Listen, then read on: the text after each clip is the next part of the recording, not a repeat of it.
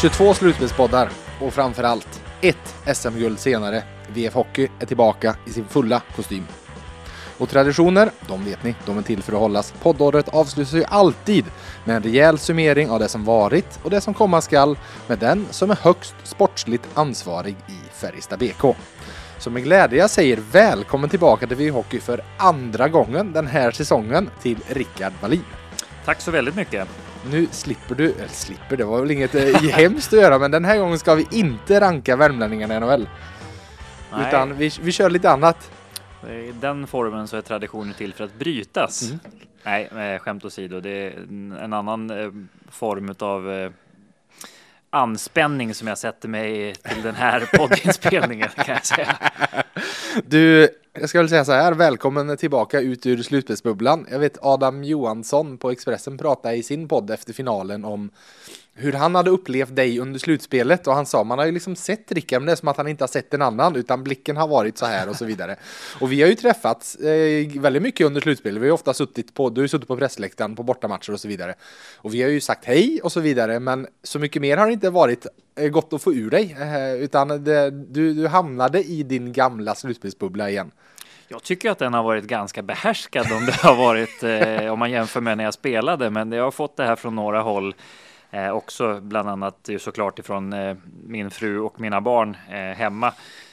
Jag tycker att det inte är så farligt, men jag hör ju vad ni säger och jag förstår det också i efterhand när man kliver ur. Eh, och jag har tyvärr inget annat sätt att vara på när det är tävling.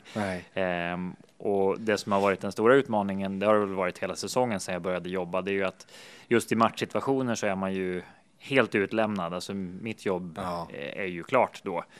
Ehm, men fokuseringen och känslorna eh, och, och framförallt viljan att det ska gå bra för laget och för killarna, den, den är ju inte mindre. Eh, Så man får väldigt lite utlopp för det. Så jag har fått eh, bland annat våra goa eh, värdar uppe på pressläktaren som, som frågade mig om, om det var något fel typ. Men det var det ju inte. Det var bara, det är mig det är fel på. Men, ja. Tack, Eller rätt. välkommen ut ur, in i verkligheten igen. Jag vet, jag pratade med Mikael Wikstrand på torgfirandet och vi pratade om hans två sista matcher när han satt oanvänd i, i båset. Och just det där, och det, det är ju, han, han sa det var hemskt. Det var hemskt att sitta där och inte, inte han var, var ju med men var inte med.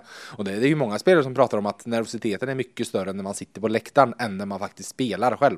Ja, eh, det är den. Ehm, Och man ska inte jämföra känslor för att de är olika. Det är bara eh, när man också har ansvaret och eh, förståelsen för helheten bakom Ja, på ett ja. annat sätt så har inte anspänningen blivit lättare att hantera. När man var spelare så, så är det ju ändå väldigt mycket fokuserat till laget. Nu blir det en, en koppling ytterligare eh, med saker som ska funka på utsidan om man har förståelsen för Ehm, För vad det påverkar människor i organisationen på ett helt annat sätt som, eh, som ju är bra att ha, men det blir också en eh, eh, lite extra att man känner verkligen hur alla vill så mycket att det ska gå bra för, för killarna. Och det, det handlar mycket om att ge lugn och ro till dem och, och också tror jag från, från ledarhåll, från mitt håll, eh, att man ska skapa förutsättningar för laget så att man är på helspänn för att, för att ge dem de bästa förutsättningarna. Eh, så är det. Mm.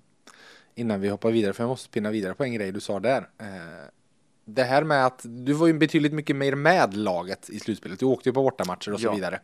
Eh, Linus Johansson har pratat om det, eh, jag tror det var i sista Sanny Svensson-podden, hade de honom som gäst och han pratade om en dialog ni hade haft efter den här ma- finalmatchen uppe i Luleå där han var inne på och var han inne på 10 av 8 baklängesmål så ungefär så den känslan hade han liksom. Han var inne på i princip allt bakåt och så vidare och hur du hade, du hade pratat med honom, han pratade om vikten av det samtalet att släppa, gå vidare och så vidare. Du, du var mer närvarande på det sättet också i, i just slutspelet.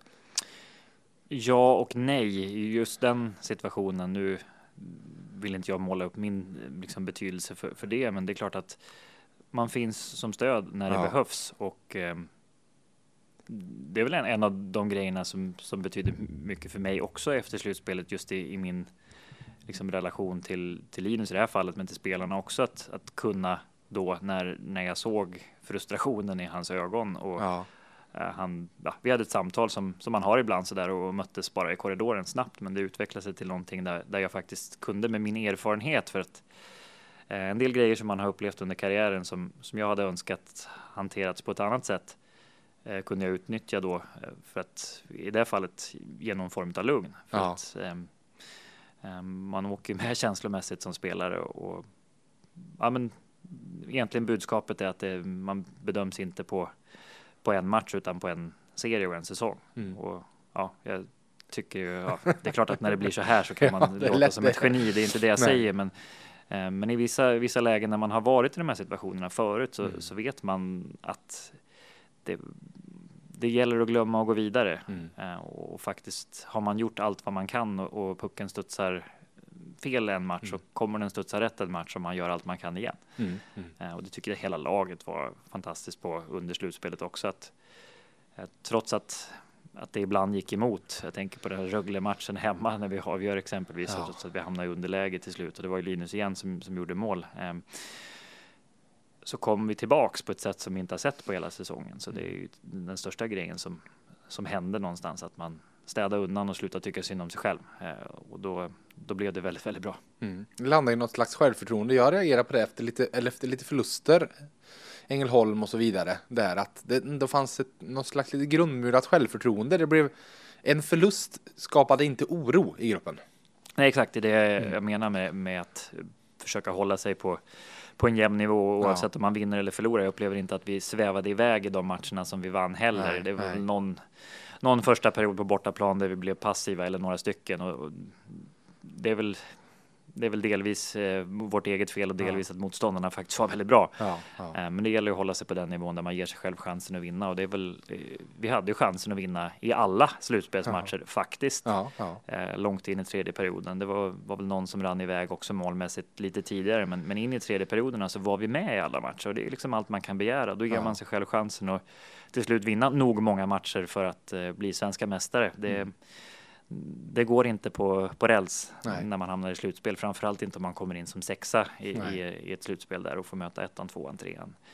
Så det var en häftig upplevelse för att följa Mm. på sidan också och just från där vi kom att, att det kändes som att vi åkte med väldigt mycket i de, de höga topparna och de djupa dalarna under säsongen så blev det en, blev det en lugn och en harmoni och en, ehm, ett sätt att jobba ihop och, och det, det faller ju inte bara men mycket på Thomas Mittells sätt att vara också Mm. när man vinner och förlorar. Jag, till och med jag slapp vara tråkig för han hade så tråkiga tal när de vann efter matcherna ibland så det var bara att klappa han i ryggen. Ja, Jag okej. älskar ju sånt när man, Ja. när man liksom håller fokus och, och det finns en eh, det finns en förståelse i, mellan oss för ehm, hur man ska vara, tycker vi, för att Ja. det ska bli som bäst. Och, och i det här fallet så blev det ju ehm, väldigt bra Mm. också. Och jag tror att även Thomas har lärt sig en hel del längs, eh, längs vägen, även om han eh, inte ger sken av, för det låter som att han inte vet vad han gör, för det gör han verkligen. Men, men jag tror att han har lärt sig också att hantera sina budskap i, in till gruppen som huvudtränare och utvecklats mycket på resans gång, även han.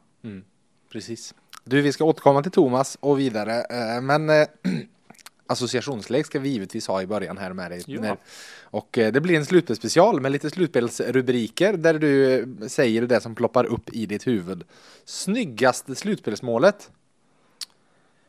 Det var väl det växelspelet som också Linus avslutade med, eh, med Viksten här. Just det, Ejdsell över först där. i, precis, i match, vad det nu var. Mm, Sex, sex kanske. ja. Exakt, sista, ja, det, det var ett hemmamatchen. ja. snyggt hockeymål som Ja. började med hårt jobb, fina passningsspel och en, en läcker avslutning och, och rätt läge. Så Mm. Det fanns fler, men, men det dök upp först. Mm. Tyngsta hemresan? I slutspelet? Mm. Oh, Var det någon där du liksom eh, du personligen kände att ah, här lät vi en segerchans glida oss ur händerna? Ja, men som jag sa, det var nog alla matcher faktiskt. Eh, Ja. Men inte någon som var sådär värst Nej, mycket mer än någon annan. nej, Eh, nej. Jag tror om man ska säga någon så var det väl match fem där uppe i, i Luleå. Ja, just det. Då, ja, men då kände man liksom att, att vi hade ryggen mot väggen, Mm, eh, verkligen. mm, men mm. kom ut ur det bra. Men, Mm. men ja, jobbig så. Är, det, det är alltid jobbigt när man förlorar. Ja, exakt. Spelaren som överraskade dig mest? Adam Ginning. Det, det är så enkelt. Ja. Vi kommer in på Adam mer sen, så vi, kan, vi lämnar honom där. Slutspelskrigaren. Theodor Lennström Mm. och Per Åslund. Mm. Jämnt skägg. Mm. Ja, jag vet, jag pratade med Mattias Hell efter slutspelet och han Ja. eh, lyfte fram de två. Och, men vi, vi återkommer mer på dem även där. Roligaste kommentar? Är det någonting du, när du kommer tillbaka, någon som fick dig att skratta extremt mycket med någonting den sa under slutspelet? Oh, här ska man ju ha något bra Jaha. svar, men. Eh, nej, jag, jag har ingen som. Det var ingen som trängde igenom bubblan, nej. Just det. Nej, nej, det var roligaste kommentaren var väl hela den här Toto-grejen Ja, egentligen. ja, ja. Även om det inte var ett, en Nej. kommentar så där så. Det är fascinerande hur slutspelet kunde sluta mellan, eller finalseriens, en av rubrikerna kunde bli en duell mellan Thomas Rodin och Linus Omark. Det hade man aldrig kunnat tro. Nej, och det måste man ju älska att en, en ändå en assisterande tränare kan utan att och ha någon plan med det komma ändå och vara en faktor i, Ja. i slutspelserien på det sättet för motståndarlaget. Ja, exakt. Du, eh, sist då. Bästa Lillis flipp. Snälla, säg den på torget. Ja, det var ju upplagt. Det var inte så där jättemånga Lillis-flippar, men Nej. trots att han inte spelade Lillis hockey kanske, eller det gjorde han inte på sin Nej. allra högsta skicklighetsnivå, så hittade han om man, man plockar ut slutspelet eh, ett gäng sekvenser där han är direkt avgörande. Ja. Jag tänker mer på den som han serverar till Virtanen eh, Mm, mm. som som avgör i sadden. Exakt. Eh, Man behöver inte vara superbra hela tiden om man kliver in och avgör i rätt läge med, med en sån spelstil. Så jag tror att han har lärt sig det Mm. också, gå framåt. Eh, Men det är klart, den på torget är ju svårslagen. ja, det är den faktiskt. Du, innan vi går in på truppen eh, så måste vi blicka bakåt.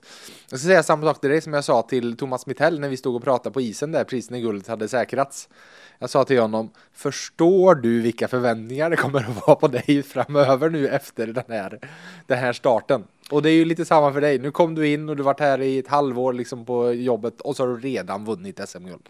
Ja, men det ska inte vara förväntningen på mig eller Thomas. Det är det vi Nej. måste försöka komma ifrån, att det är inte det är inte jag eller han som som eh, som ska ha förväntningarna på oss, utan det är vi tillsammans där, där vi ska sätta ett, ett sätt tillsammans igen att, att jobba ihop så att vi ger oss själva chansen framåt. Ja. Eh, Men jag, jag hör vad du säger, men ehm, när Thomas kom in och när jag kom in också, det är klart att det fanns förväntningar även då. Ja. Eh, Så att ehm, ja, förväntningar är en del utav jobbet och det var också eftersom vi lyckades nu så blir det någon slags också, jag kan inte säga arbetsro för det låter som man slår sig till ro då, men, men det är ju lättare att göra grejer som utvecklar när man har fått ett kvitto Mm. på att det man gör faktiskt blir bra, Mm. tror jag. Så att Ja. jag hoppas att det istället kan bli att vi kan hitta ett sätt just att skruva på de sakerna som vi fortfarande har kvar, där vi tycker att vi behöver utvecklas eh,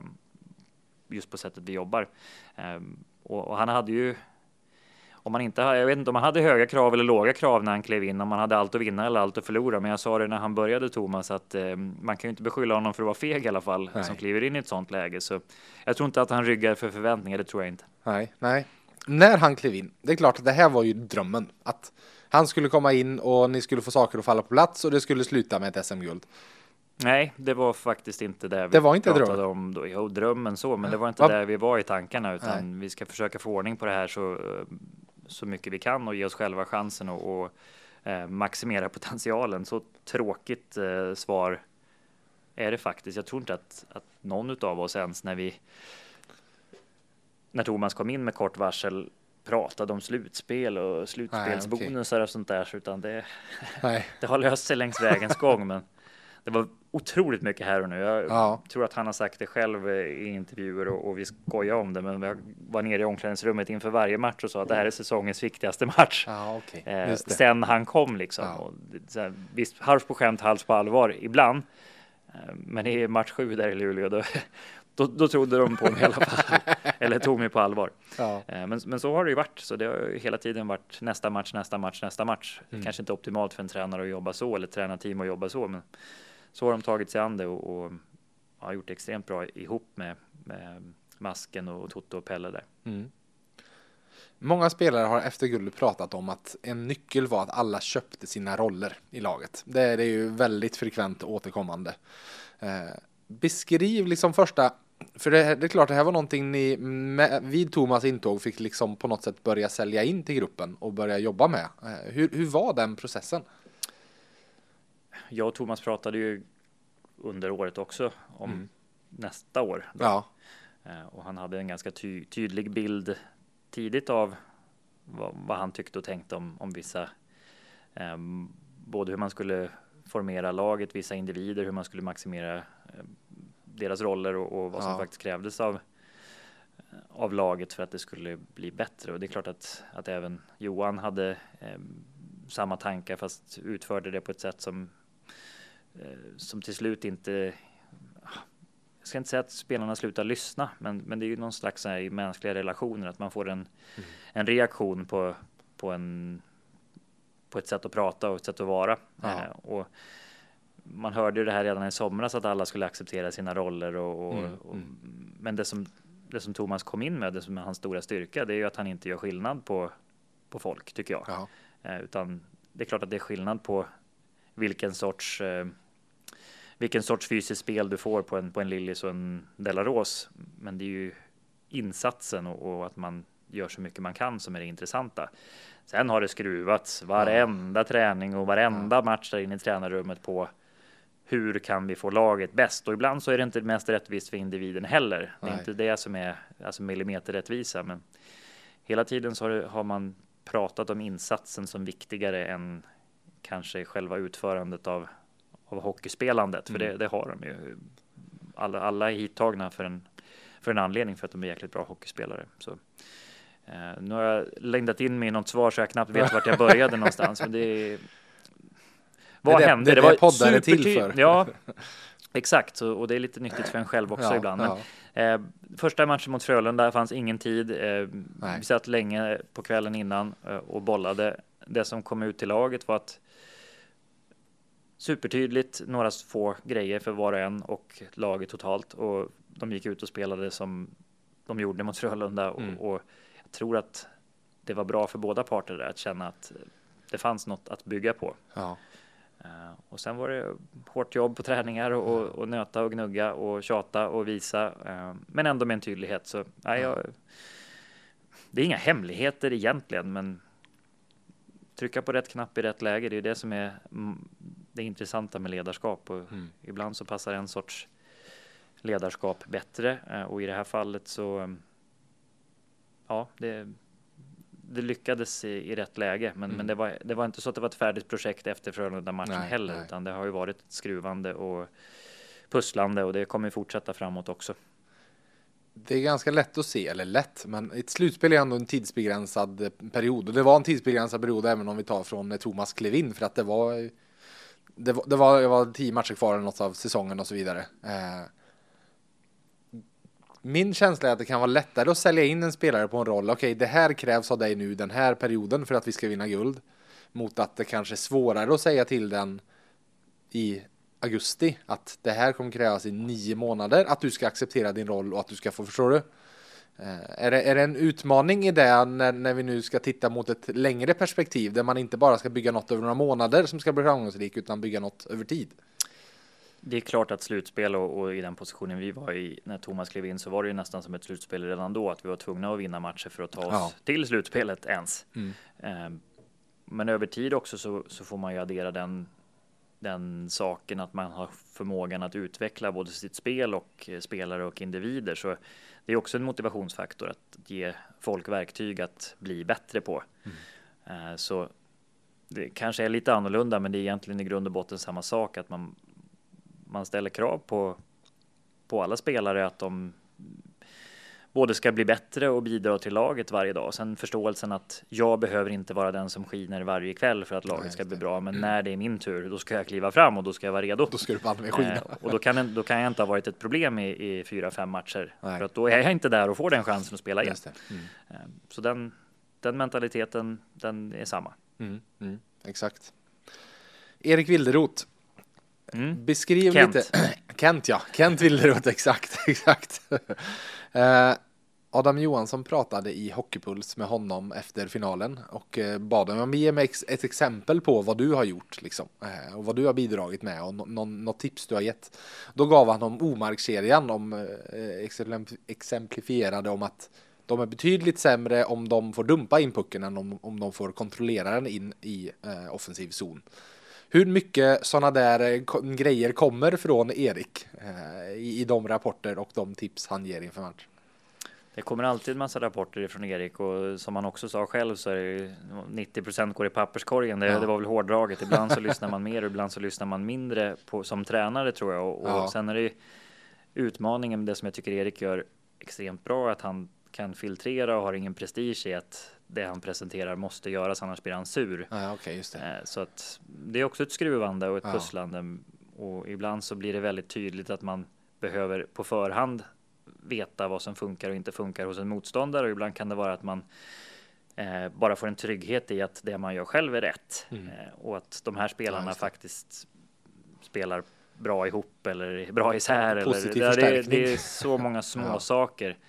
Um, men det är klart att jag tycker även egentligen alla slutspelsserier så har vi haft en väldigt bra gameplan från coacherna som har bekräftats eller eh, skruvats på med mm. Eriks hjälp. Mm. Och ja, men i, i, min roll också så får man ju väldigt mycket antingen bekräftat eller eh, att man behöver tänka på ett annat sätt. Så, så jag är oerhört tacksam för samarbetet där också och ser fram emot vad vi kommer kunna utveckla där. Mm. Sen är det inte han eller jag som vinner nej, eller förlorar nej. utan det Skapa förutsättningar. Viktig, viktig del i det hela och, mm. och det bästa är som sagt hans sätt att prestigelöst smälta in i, i jobbet och gruppen tycker jag. En eh, framgångsfaktor för er i slutspelet var ju att ni var ni, ni, ändrade ganska mycket spelsätt, ändrade ganska mycket taktik, serie eh, motståndare för motståndare eh, och så vidare. Vad, vad ja, punkterna ni ville trycka på och så. Var det något som kom från dig? Var det något som kom från Erik eller Thomas i hans matchcoachning som, eh, som det landar i? Ja, det är Thomas och tränarna som, eh, som sätter matchplanen och mm. de har jobbat extremt hårt med videon eh, nere i tränarrummet för att hitta de här små detaljerna och det måste jag säga att det är en av Thomas absoluta styrkor också. Aha. Att hitta de här eh, dragen och motdragen som det kanske kan tyckas att det blir väldigt stor skillnad, men egentligen är det inte så stor skillnad i, i vår identitet, utan det, det, handlar om att hjälpa spelarna att, att bli trygga mm. eh, och, och, spela till sina styrkor och, och, samtidigt ta bort motståndarnas styrkor. Ja. Eh, det tycker jag också är någonting som som saknas ibland i, i svensk hockeys, det här moderna att uh, vi ska fokusera på vårt på spel. Vårt spel ja. mm. ska man också göra, men man mm. ska mm. se till så att man ger sig själv så bra förutsättningar att, att skapa sig en um, jag menar, att matchen, matchbilden blir till ens fördel. Ja. Eh, och det, det tycker jag Thomas har gjort väldigt, väldigt bra, framförallt i slutspelet. Så mm. eh, det, det ska han ha stor credit för. Man kan ha kanske typ 70 procent av sitt spel som man alltid ska ha som ska vara ens eget och sen en topp på det som man justerar beroende på, eh, på motståndet. Exakt, och, och ibland så, så, har det väl synts väldigt tydligt att vi har spelat på ett sätt och, och ja. det kanske har blivit för tydligt då. Eh, så att ja, Skellefteå till exempel, det, var ju, det går ju inte att säga något annat än att ni gick in med mycket fysik i den serien för att Nej. Hittade, och, och märkte väl även. Ja, men jag tror, tror mycket det också. Ja. Att det, matchplanen var kanske inte riktigt så tydlig, men spelarna och ledarna märkte längs vägs gång att eh, det här var framgångsrikt, så här behöver vi spela, då fortsätter vi göra det. Ja. Um, sen nästa matchserie blev på ett annat sätt och det var inte så att, att budskapet blev att nu ska ni sluta tacklas på, på det sättet, utan då hann man inte liksom riktigt spela på det sättet utan att det blev um, blev sämre för laget då. Sen, sen slet det ju mer längs vägens gång också på att spela så fysiskt som, ja. som kvartsfinalserien var. Så um, nej, jag tycker att, um, att det där är intressant, att inte tappa sin, sin identitet eh, men ändå kunna, kunna justera. Så också laget har tagit till sig det här och gjort det extremt bra. Det är mm. inte så att matchplanen gör sig själv, mm. utan det har varit väldigt skickliga, smarta spelare som har kunnat också tillsammans rätta varandra och, och, mm. hjälpa mm. varandra in till att samarbeta på ett, på ett extremt bra sätt. Och det, är, det är de ledande spelarna i gruppen som, som jag tycker också har visat extremt stort ledarskap utanför isen där. Att de har dels köpt in på det här, eh, märkt att det har funkat, rättat varandra, eh, mm. hjälpt varandra. Eh, och sett till så att den har, de här matchplanerna har fått förankring i gruppen. En annan sak som spelare har pratat om har varit det här om, om självbilden och så vidare. Om ett, ett fint spelande lag, ett, ett lirande lag mot ett hårt jobbande lag. Eh, fanns det en liten skev självbild i gruppen, tror du? Ja, det tror jag. Mm. Eh, och det är väl det som är svårt när man får mycket förhandstips på sig. Eh, men och när man har gjort väldigt mycket mål i många år också. Ja, kanske har väl också spett på det kanske att. Absolut. Så någonstans längs vägens gång så. Så kommer man till till den där gränsen där man måste förstå vad som krävs för att jag och vi ska vara framgångsrika och offra lite av sin offensiv eh, då för att helheten ska bli bra. Alla Per Åslund tycker ja, jag som ja. är en sån spelare och har varit hela sin karriär. Mm. Uh, och det gäller att premiera den sortens spelare uh, och se de, den sorten se till att den sorten blir de som sätter standard och normen i gruppen också. Mm. Jag tror att egentligen alla spelare vill det här, men, men just när, innan man har varit med om det, ja. det är inte så många som har nej. spelat slutspelshockey. Och även många som hade spelat final ens. Nej, vi pratar om rutinerade spelare. Jag tyckte vi märkte extremt mycket i match 1 att det var spänt. Alltså, ja. det var det gick nästan att ta på nervositeten innan ja. eh, och då har vi ändå sagt att vi har ett väldigt erfaret lag och det har vi. Men just de här upplevelserna, det är många som har lärt sig väldigt mycket om sig själv och hur man vinner. Mm, vad som krävs ja. Ja, och, och det här de ja, älskar att säga i Nordamerika. Han, han har varit med och vunnit förut. Han vet vad som krävs. ja, men det är ju en jäkla klyscha, va? men ja. det är sant också. Ja. Och för egen del så fick jag det där serverat på silverfat ja, när jag hade en sån generation som hade lärt sig själva att vinna 97, 98 mm. med Claes Eriksson och Mattias Johansson och, och Toto och dem som som också där i slutspelet 97 var det va när de tog sig förbi Leksand och vann mot Luleå i finalen lärde sig hur man skulle vinna. För det är så extremt små marginaler, en puck som studsar hit eller dit så att um, man kan inte. Man kan inte ge sig själv dåliga odds någon gång. Nej. Och som sagt, jag och min generation fick ju det serverat på silverfat för att mm. den standarden hängde kvar sen. Att mm. så här måste man göra. Mm. Sen förlorar ju de en massa finaler också. Ja, ja, ja precis. Eh, precis. Men då var det uppe tillräckligt ofta. Ja. Det är det det handlar om. Så jag tror att att Linus Johansson och Jakob Delaros som man tycker är liksom våra ledare. De lärde sig också mycket längs vägen och, och med flera, Viktor Ejdsell och, och Lillis och, mm. och, ja, men egentligen hela gänget i, mm. i varierande grad. Att så här måste jag vara eh, och så här måste vi vara för att, för att ens ha en chans. Mm, mm, exakt. Du, vi ska börja blicka lite framåt och jag börjar med den här frågan. Hur har veckorna efter guldet varit? Det är snart två veckor, det är tisdag när vi sitter här och om två dagar så är det, är det två veckor sedan ni vann. Ja, det känns lite overkligt fortfarande att ja. vi faktiskt har vunnit också när man sätter i det perspektivet. Det sa Martin Johansson när jag pratade med ja. honom igår, att det, det, har varit så mycket intryck så att det har varit svårt att smälta liksom. Ja, det förstår jag. Man måste nästan kolla igenom det. Jag har upplevt förut också att man måste nästan kolla igenom det på tv ja, på, i efterhand för att, ja just det, så där var det, så där kändes det. Man är bara så på helspänn och sen så tar det slut och sen så är man jätteglad och så blir det tomt ja. Eh, nästan. Eh, men jag hade ganska fullt på skrivbordet jag på ja. måndag morgon där efter firandet. Så man var trött och glad men ändå.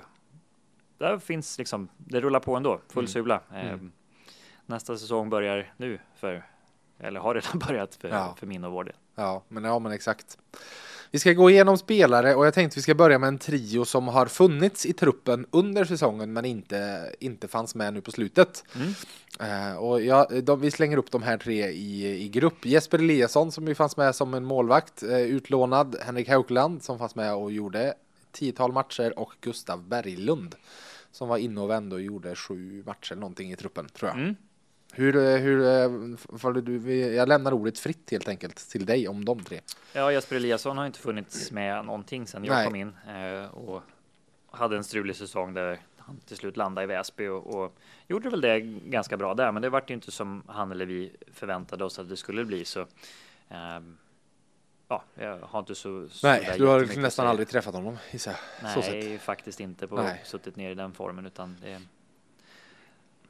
så blir det ibland i mm. elithockeyn. Han blev liksom den som fick stryka på foten när det gjordes rokaden som även involverade Haukeland där på ja. sikt som som inte hittade sin roll som backup målvakt och, och bad att få lämna och um, var ju ett tufft beslut då när mm. han kom och, och, bad om det då vi inte hade hade någon direkt plan hur vi skulle ersätta två målvakter Nej. från början. Men eh, det löste sig också till det bättre Ja. och han gjorde det väl bra nere i, i Tyskland totalt sett ändå sen så.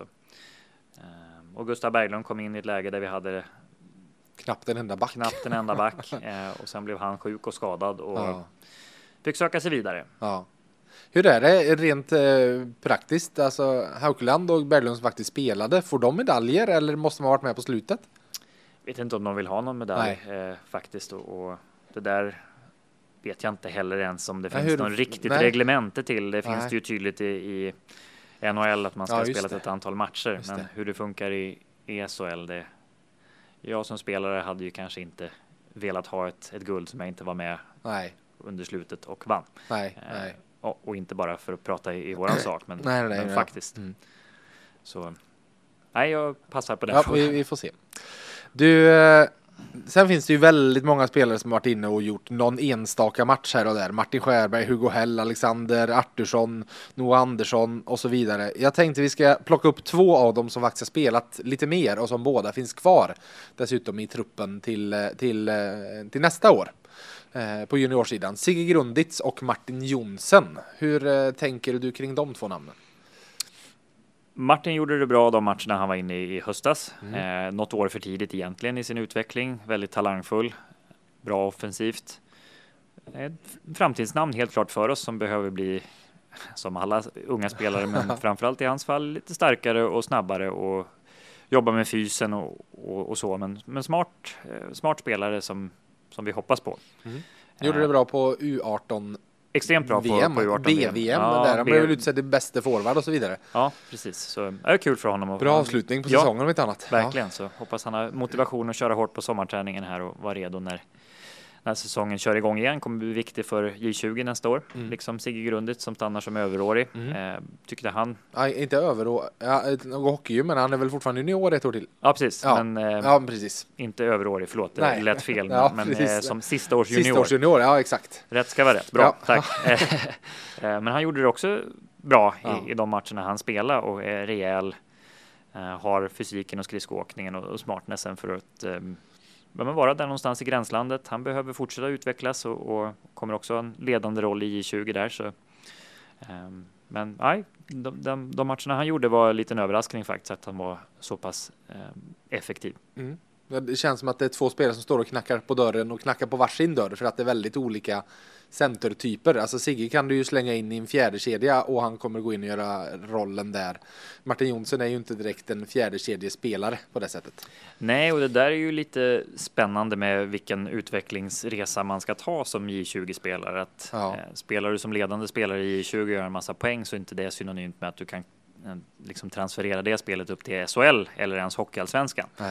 Eh, så ja, det finns olika vägar att ta, men det är ju inte att- förringa att man har de egenskaperna heller, att man kan spela boxplay och, och spela i en fjärde kedja. Det är ju på något sätt sådana spelare som, som blir viktiga också, även om jag förstår att alla har det här med skills och det ska, Ja. det ska spelas snyggt och man ska göra mycket mål och så. Det, det, finns, det finns en helhet i det där man behöver alla sorters spelartyper. Mm. Ja men exakt. Alla kan inte spela powerplay. Lite så. Nej, det blir svårt. Det blir svårt. Innan vi går vidare så eh, är det ju faktiskt så att ni hela säsongen, alla ni lyssnare, har tävlat. Ni har fightats om finalplatserna och hela tiden har jag lockat med att vinnaren av hela tävlingen kommer gå hem med en helårs plusprenumeration på VF och presentkort värt hela 5000 kronor på Karlstads bästa ICA-butik såklart. Christer Maxi Bergvik. Säsongsfinalen är podden så är det klart att det har blivit dags att utse en vinnare i den här lyssnartävlingen. Och som sig bör så görs det i form av en frågesport. Så med det lämnar jag ljud och ljud över till mig själv.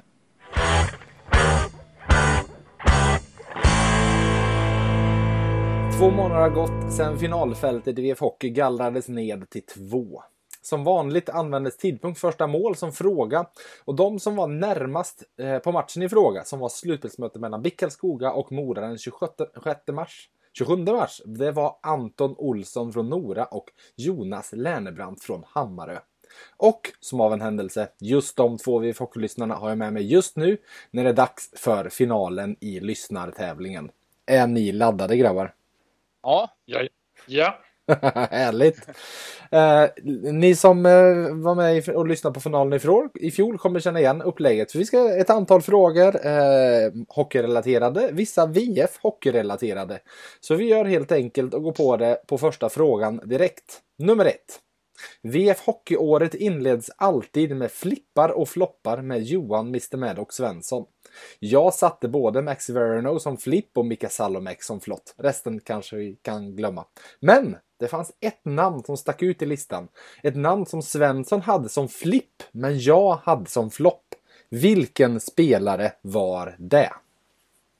Så det skrivs och det, skrivs mer än vad det funderas här. Eh, så eh, om ni båda har svarat kan ni göra tummen upp kan vi ha. Och så eh, börjar vi med Jonas som visar först då. Där står det Linus Omark och Anton har svarat Marcus Nilsson. Vilket gör att poängen går till Anton, för det var Marcus Lillis Nilsson som jag satte som flipp, eller som flopp och eh, Johan som eh, flipp. Eh, min, mitt resonemang handlar om att det var svårt för honom att inte floppa för att förväntningarna var så höga och eh, vi har diskuterat lite och jag tycker att jag har rätt på den såklart. Men 1-0 till Anton och vi går på fråga 2. Eller vi börjar där förresten. Vad tycker ni? Var han en flipp eller flopp? Vi har ju, ni får ju agera jury här. Ja, jag tycker väl att han var någonstans mitt emellan kanske. Ja, mm, mm. Jonas? Eh, jag köper ditt resonemang som du hade innan säsongen där att det är svårt att leva upp till den säsongen han hade innan han stack till Ryssland där. Precis. Så det var klokt resonerat. Men vet ni vad han gjorde? Han avslutade på topp för i match eh, SM-final 7 var han faktiskt riktigt, riktigt bra. Det var en, hans bästa match i finalserien mm. skulle jag säga. Ja, håller med. Men vi går på fråga två. Per Åslund gick upp som etta genom tiderna i Färjestad i vintras. Vem passerade han och vilken moderklubb har Per? Två poäng för två rätta svar.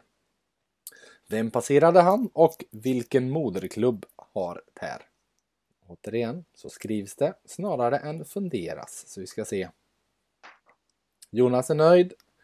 Har Anton hittat två svar? Yes. Amen. Då börjar vi med Anton. Vad har du svarat? Du kan ju säga vad du har svarat och så visa upp samtidigt. Eh, Mattias Johansson, Kils AIK. Yes, och Jonas har svarat? Eh, Mattias Johansson och Kils AIK. Ja, men helt rätt. Då säger vi som de säger i Jeopardy. Välkommen in i spelet Jonas.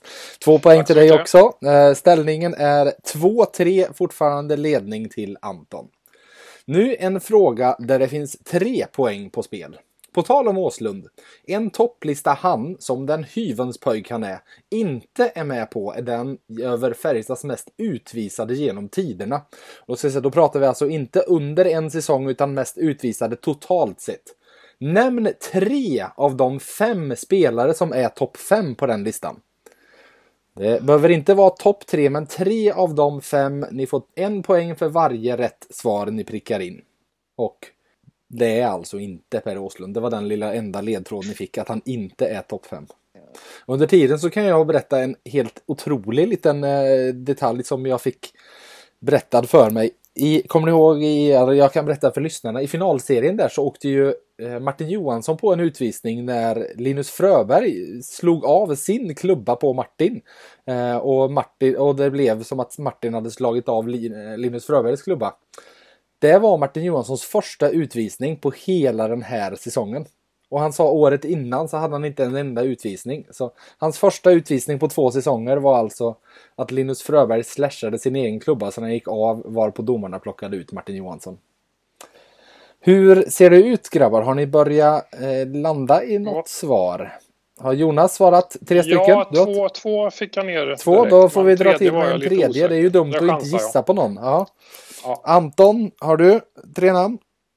Ja, mm. eh, lite hjärnsläpp där på det sista, men jag ja. tror du vet. Ja, samma här. Ja, men då gör vi så här, Jonas, du får börja. Berätta vilka tre du har svarat. Eh, då har jag, jag tror att Thomas Rodin har mest utvisningar. Thomas Rodin, Emil Kåberg och sen så drog jag till med Tommy Samuelsson. Han har spelat många säsonger, men mm. han har inte varit utvisad så mycket tror jag, men det var en chansning. Mm. Mm. Anton då, vad har du? Eh, jag slog till med Emil Kåberg, Peter Nordström och Ledin. Och Ledin. Mm. Vi gör så här, eller ni, ni följer varann, för ni prickar in eh, två rätt var. Eh, ingen av er tar full pott, men eh, två rätt var.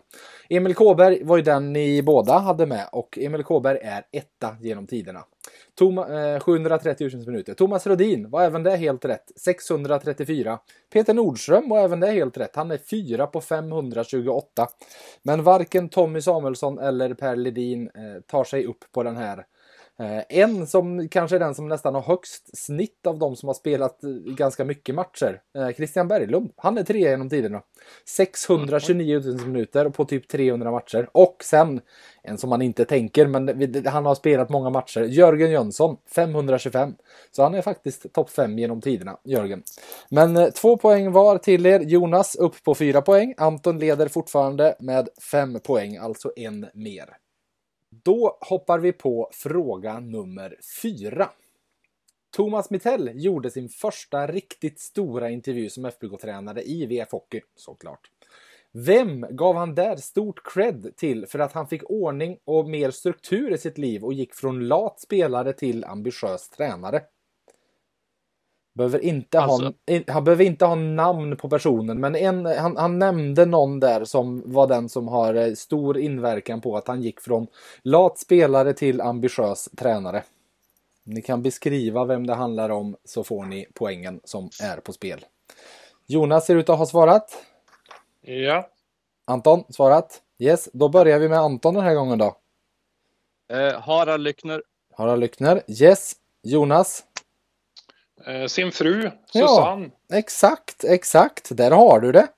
Så en poäng till Jonas som går upp på fem. Anton tyvärr noll. Du är kvar på fem och det är precis så spännande som det kan vara. Eh, förresten, ni, ni som tävlar här vet ju det, men jag kan ju bara påminna till lyssnarna vad det är vi tävlar om. Eh, det är ju dels en helårs plusprenumeration på VF och dels det helt otroliga presentkortet värt 5000 kronor hos Allas vår Christer på ICA Maxi Bergvik eh, på Bergviks köpcentrum i Karlstad. Så det är det som står på spel när det nu återstår tre frågor.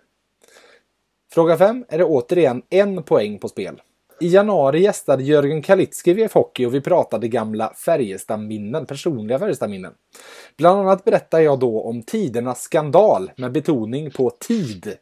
I vilken arena spelades matchen som jag pratade om? Tidernas skandal.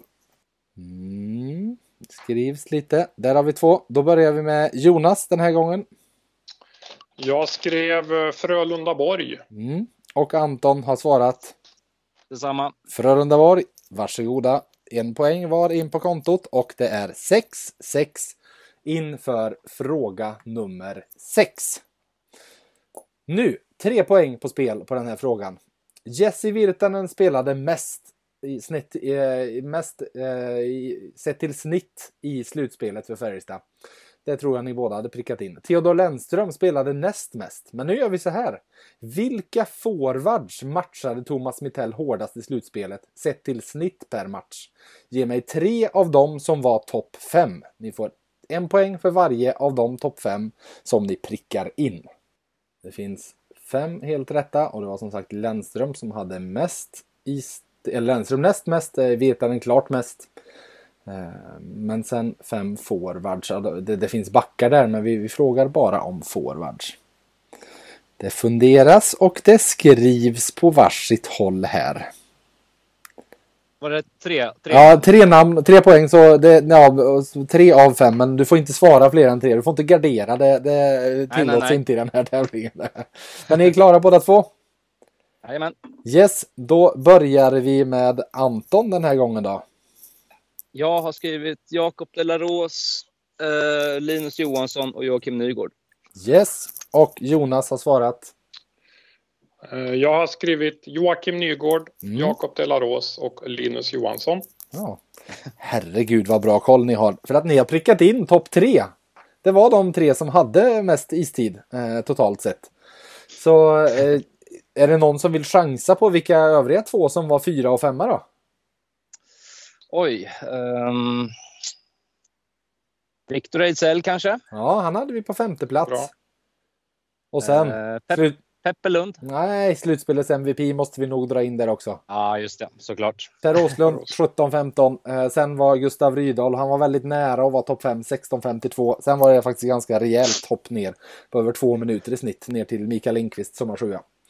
Men där hade vi det och precis som i fjol i VF Hockeys lyssnartävling så ska allt avgöras på en sista fråga. Den här frågan, och i och med att det nu är lika så, så kommer det bli närmast vinner helt enkelt. Frågan är, Färjestad var det lag i grundserien som sköt i stolpen eller ribban flest gånger. Hur många? Oj, oj, oj, En poäng på spel och närmast vinner. Och i och med att vi har lika inför den här sista frågan så är det alltså den här som avgör vem som vinner. Flest skott i grundserien hade de i stolpen eller ribban. Hur många? Anton ser ut att ha skrivit ner ett. Jonas, har du också Jajamän. ett? Jag funderar 10 sekunder till. Jag tar... Det är spännande Ja. detta. Mm, där har vi. Då börjar vi med Jonas då. Vad landade du i för något svar?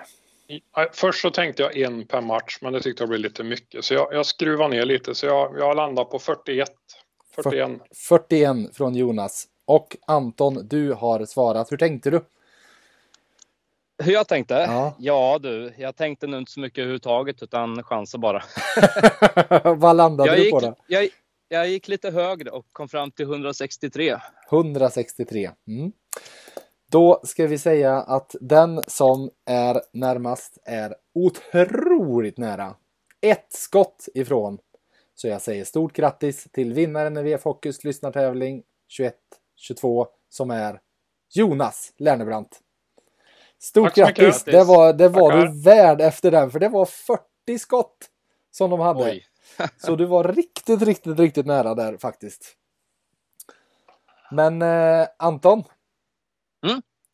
Jag ska säga att Christer vill aldrig lämna någon helt utan pris. Så du får ett andra pris. Vilket är att du får två av Christers säsongskort på en match kommande säsong i Löfbergs Arena och gå och titta på hockey. Ja. Så någonting. Snällt. Mm, Ja. någonting. det löser vi. Men Jonas, stort grattis! Tack så mycket och superbra kämpat. Det var stenhård kamp. Ja, det Ja, var det Anton. verkligen. Ja, Jag, jag ställer ju alltid frågan, eller brukar ju alltid tipsa i podden om vad man kan köpa för 5000 kronor. Vad ska du köpa för 5000 kronor nu då? Oj. Nej, jag kommer inte på något. Det blir mat. Det blir mat, ja. Det blir Ja. mat till familjen. Ni eh, båda två, ni ska ha stort grattis eh, och stort tack framförallt för att ni har varit med och tävlat precis som alla andra i lyssnartävlingen. Eh, och med det så tar jag och lämnar ordet till just Christer. Hej, Christer med personal här. Vi på Maxi Karlstad älskar hockey. Och kunderna förstås. Vilken spännande final det blev. Stort grattis Jonas till segern. Känn dig varmt välkommen in till oss och hämta ditt pris. Och tack alla ni som lyssnat och varit med och tävlat. Och stort grattis till alla FBK-are till SM-guldet. Njut nu av den soliga sommaren som svenska mästare. Så hörs vi i höst igen. Simma lugnt!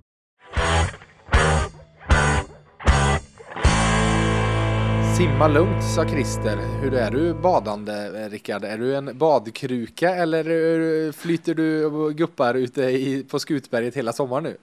Eh, gillar att bada, men Skutberget blir lite sparsamt med numera. Vi hade som pandemiprojekt hemma när jag inte jobbade så mycket med tv och byggde pool hemma. Ah, eh, just det. Som barnen uppskattar Och den mycket. är varm och god. Ja, exakt. Och eh, de vuxna också eftersom man inte behöver frysa ihjäl. Nej, exakt. Jag slipper att packa allting. Utan bara... Bli bekväm med åren. Ja, ja, exakt.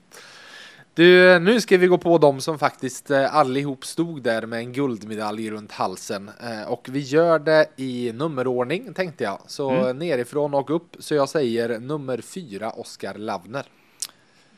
Ja, han hade ju också en säsong som gick lite upp och ner. Eh, spelade inte så mycket i början, var ute i Karlskoga och gjorde det bra. Några matcher, kom tillbaks också, eh, ungefär i den tidpunkten när, när jag kom in och började jobba eh, mera aktivt också i föreningen. Eh, och jag tycker att han har gjort en bra säsong i stort med aktiv skridskoåkning och, och varit en av dem som, som tagit till sig detaljer och, och ja, jag tycker han har tagit stora kliv framåt. Sen fick han en olycklig skada i slutet eh, Ja, när han fick den här huvudtacklingen som borde ha varit avstängning på om man ska gå på praxis nu när ehm, när vi pratade avstängningar hela slutspelet och jag inte har sagt något. Så det var väl en sak som blev lite tokigt där och inte minst för Oskar. Sen Ja. så hittade han inte riktigt in eh, och kom i spel under slutspelet. Men jag hoppas han har lärt sig lite grann bara från sidan av vad som krävs och vi hoppas att hans utveckling fortsätter. Han är som sagt skridskostark och, och rivig och så, behöver jobba på sin avslutningsförmåga också kanske som vi pratade innan hitta sin roll. Att ska jag vara en målskytt eller ska jag vara en Ja, energispelare eh, för att bli kvar länge i SHL? Jag tror att han har alla möjligheter att, att, att bli det. Så. Man fick ett nytt tvåårskontrakt som ni skrivit här efter. Ja, nej, men vi, vi hittade den och jag är glad att han stannar för att just jobba med de här små detaljerna på SHL-nivå för att bli framgångsrik. Vi känner att han är nästan där eh, och, och Thomas och, och gänget kommer fortsätta jobba med honom med detaljer där som, som kommer hjälpa honom framåt också. Hoppas och tror vi. Hur tänker ni med honom med- just den åldern och med, han, han har ju trots allt några år bakom sig med mycket skador och han spelat väldigt lite hockey Mm. totalt sett. Säg att han skulle landa som 13 forward i eh, september där, liksom, när, när säsongen drar igång. Är det en kille som du känner, ja men han kommer fortfarande göra ett bra jobb eller skulle ni i så fall tänka han kanske behöver iväg någonstans och faktiskt få spela 18 minuter per match ett tag? Men vi har ju haft en diskussion med Oskar och, och med hans agenter hela vägen och, och ska han stanna? Vad blir rollen och, Ja. och allt det där? Men vi kommer ju ge honom chansen att spela eh, sig till en, en bra roll hos oss. Annars så Just skulle det. vi inte ha eh, skulle haft honom kvar här och, och jag tror igen att även om Oskar skulle komma ut och få spela mycket i en offensiv roll i Hockeyallsvenskan skulle det inte hjälpa honom att kliva in och, och, vara bra i SHL. Men han behöver ju också spela som du säger, så det, det där blir väl någonting som vi får balansera. Mm. Eh, Men man kan inte ha eh, 12 forwards och tro att det, att det är de här Nej. 12 som ska spela hela året heller. Men vi ser ju Oskar som en av de 12. Exakt. Mikael Wikstrand, som vi nu vet kommer att vara borta ungefär ett halvår för att han ska operera sitt skadade knä som var det som som hindrade honom från en annars väldigt, väldigt bra slutspelsstart måste jag säga. De första två matcherna han var med och spelade. Jag tror, tittar du på hans underliggande siffror från de där, de var helt, helt enorma. Jag tror han hade en eh, måleffektivitet på 60 procent eller någonting av skotten hade gått in under de första två matcherna mot Skellefteå.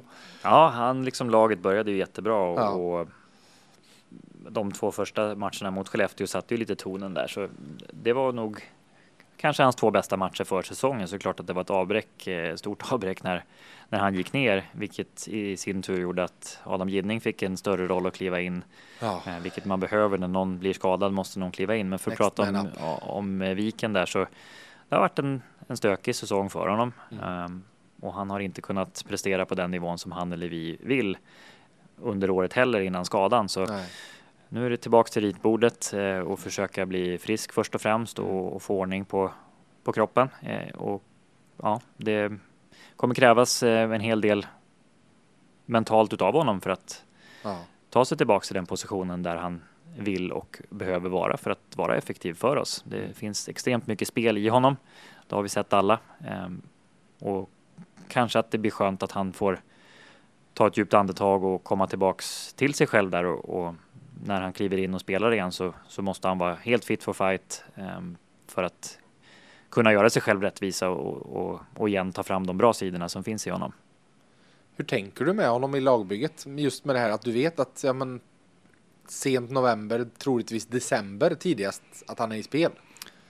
Ja, alla spelare som, som blir på något sätt en halv säsong med är ju svåra Ja, att, att veta hur man ska hantera för att värvar du en ersättare för en hel säsong så har du en spelare på en halv säsong, eh, både budget och spel, eller rollmässigt som det är lättare när man gör det tvärtom ifall någon skadar sig mitt i säsongen och man ska värva inför resten av säsongen. Ja. Så än att veta att en är borta Helt klart. första halvan. Ja, helt klart så, så blir det så. Eh, framförallt i budgetarbetet där. Ja. Eh, men eh, ja, vi får se hur, hur vi löser den problematiken som blir. Och det är ju lite samma med Jens Westin också. Eh, som vi inte vet med. Hur tänker man där? Behöver man hitta en ersättare eller ska man, eh, ska man hoppas? Eh, I Vikens fall så vet vi att, som du säger, no november, december där är väl när vi kan börja tro att han kan vara spelbar igen. Eh, och i värsta fall så tar det längre eh, tid än så, i bästa fall lite kortare. Så nej, det är många parametrar så vi får lita till medical team som det, som det heter. Ja, exakt. Nummer åtta, Anton Berglund, som ju skrev ett rookie-kontrakt och fick även över nästa säsong. Ja, eh, kom in och gjorde det bra när han började spela eh, med A-laget här och, och hamnat i en roll mittemellan eh, J20 och A-laget. Bättre innan nyår eh, och haft lite svårare både få speltid i A-laget och kämpat lite grann i J20 där. Men en ung spelare som vi såg en roll för som kanske 7-8 där och, och kunna kliva in. Men det är viktigt att han fortsätter utvecklas och tar nästa steg eh, och också får spela en del som, som vi pratade om tidigare här. Det, det får inte bara bli att man, man tränar utan Nej. det är matcherna som utvecklar. Vad sa du till honom efter den där matchen uppe i Luleå?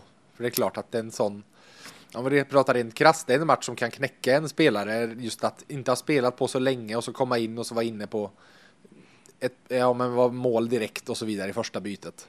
Ja, nej, men det, vad, vad sa vi till honom? Det var ju, han är ju definitivt inte knäckt. Det är det som är bra nej. med Anton, att han tar uh, ut, han är glad. utmaning. Han är glad och, och han gör sitt bästa och eh, tacksam för att liksom vara här och få chansen. Så upplever jag honom. Och, ja. och budskapet till honom var att det var liksom en, han hamnade i en position där han blev satt och misslyckas lite grann ja. eh, och blev, fick spela mot omarkskedjan tre av de fyra bytena. Eh, gjorde sitt bästa, men, men just i det fallet så, så blev den en för stor, ett för stort hopp och, och kastas ja. in. Så, eh, han får bara ta de positiva bitarna att han har spelat i en SM-final och försöka lära sig från dem. Mm. Eh, det var väl det som är budskapet och som sagt, han har inte tagit det på, på något sätt att han är knäckt. Det, det tror jag inte. Nummer 10, Marcus Lillis Nilsson, som jag tycker gjorde sin kanske bästa match i slutspelet i, i final 7. Ja, han var en av de som steppade upp där. Han blandade och gav under säsongen och under slutspelet. Men totalt sett så har han faktiskt, när vi tittar på siffrorna, gjort sin näst bästa säsong i karriären i grundserien. Ja. Även om han själv tycker att jag borde ha kunnat göra mer, tror jag. Och det är väl det som har lyst igenom lite på sidan, från sidan i alla fall, att han har sett lite frustrerad ut bitvis under säsongen. Ehm, men totalt sett som du säger så är han en, en stor faktor, en stor anledning till att vi vinner SM-guldet till slut och då, då ska både han och vi vara tacksamma. Det mm. finns enorm spelskicklighet och spetskompetens i honom och eh, nu har han fått vinna SM-guld också. Exakt. Jag eh, lyfter ju fram honom som en eh, floppvarning inför säsongen just bara med tanke på att förväntningarna var så enorma att han var liksom men den hockeyn som han spelade innan han lämnade är bland högsta, högsta nivåer jag har under mina år jag har bevakat Färjestad totalt. Eh, sista månaderna var han något så fruktansvärt bra i det laget. Jag kommer ihåg speciellt en match uppe i Leksand tror jag det var när han avgjorde i sadden. Där det var som att han bara, tar väl avgör det här då. Och gjorde det. För att han var liksom en nivå över nästan alla andra på isen.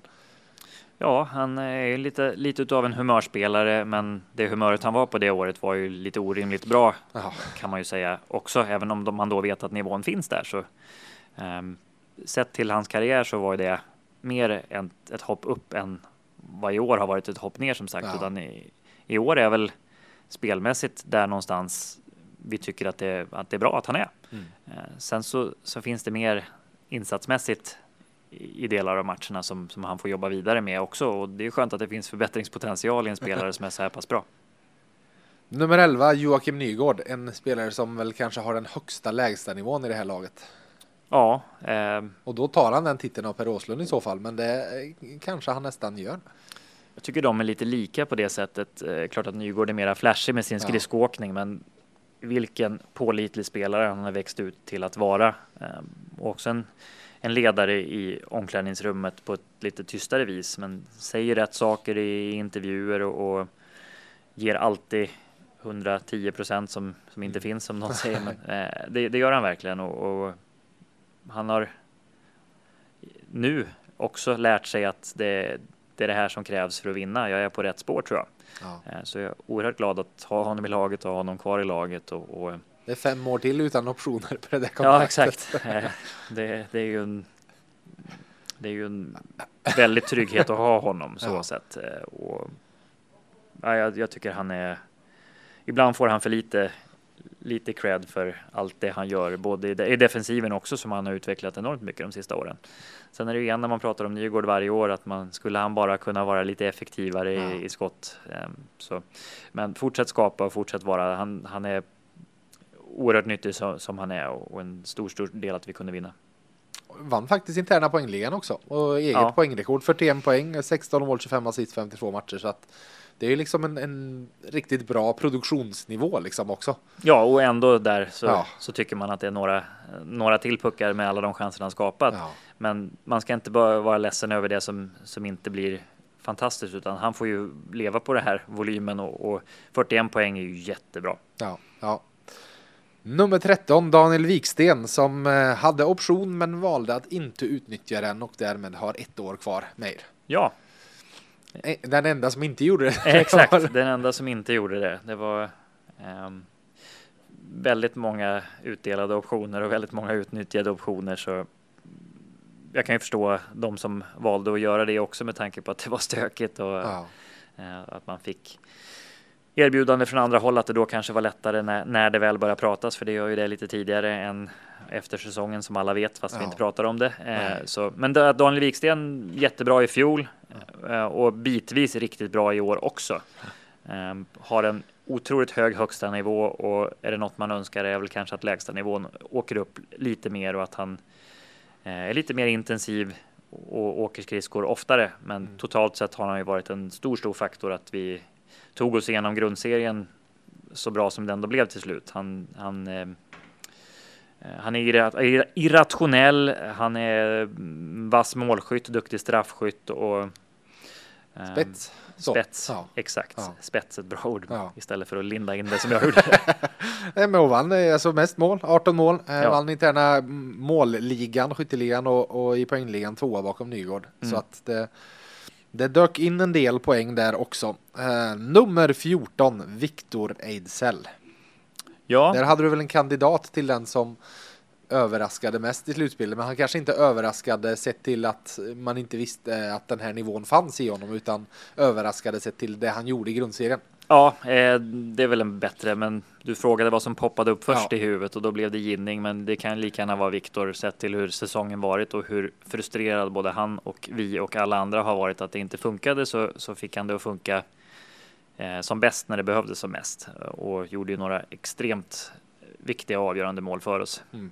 Så kul för Viktor, eh, också igen tjatar jag om det där att nu vet han vad som krävs också utav Ja. honom Ja. på det dagliga arbetet där och spelade lite småskadad också under slutspelet och, och gjorde det bra eh, och verkligen offrade allt för, för att just det skulle bli bra för laget där. Så han tog stora kliv eh, på och utanför isen i slutspelet och det hoppas vi att han kan bygga vidare på. Jag tro, tror och hoppas att grundserien som vi fick se var mer utav ett olycksfall i arbetet än, Ja. eh, än att det faktiskt eh, är den nivån han ska ligga på.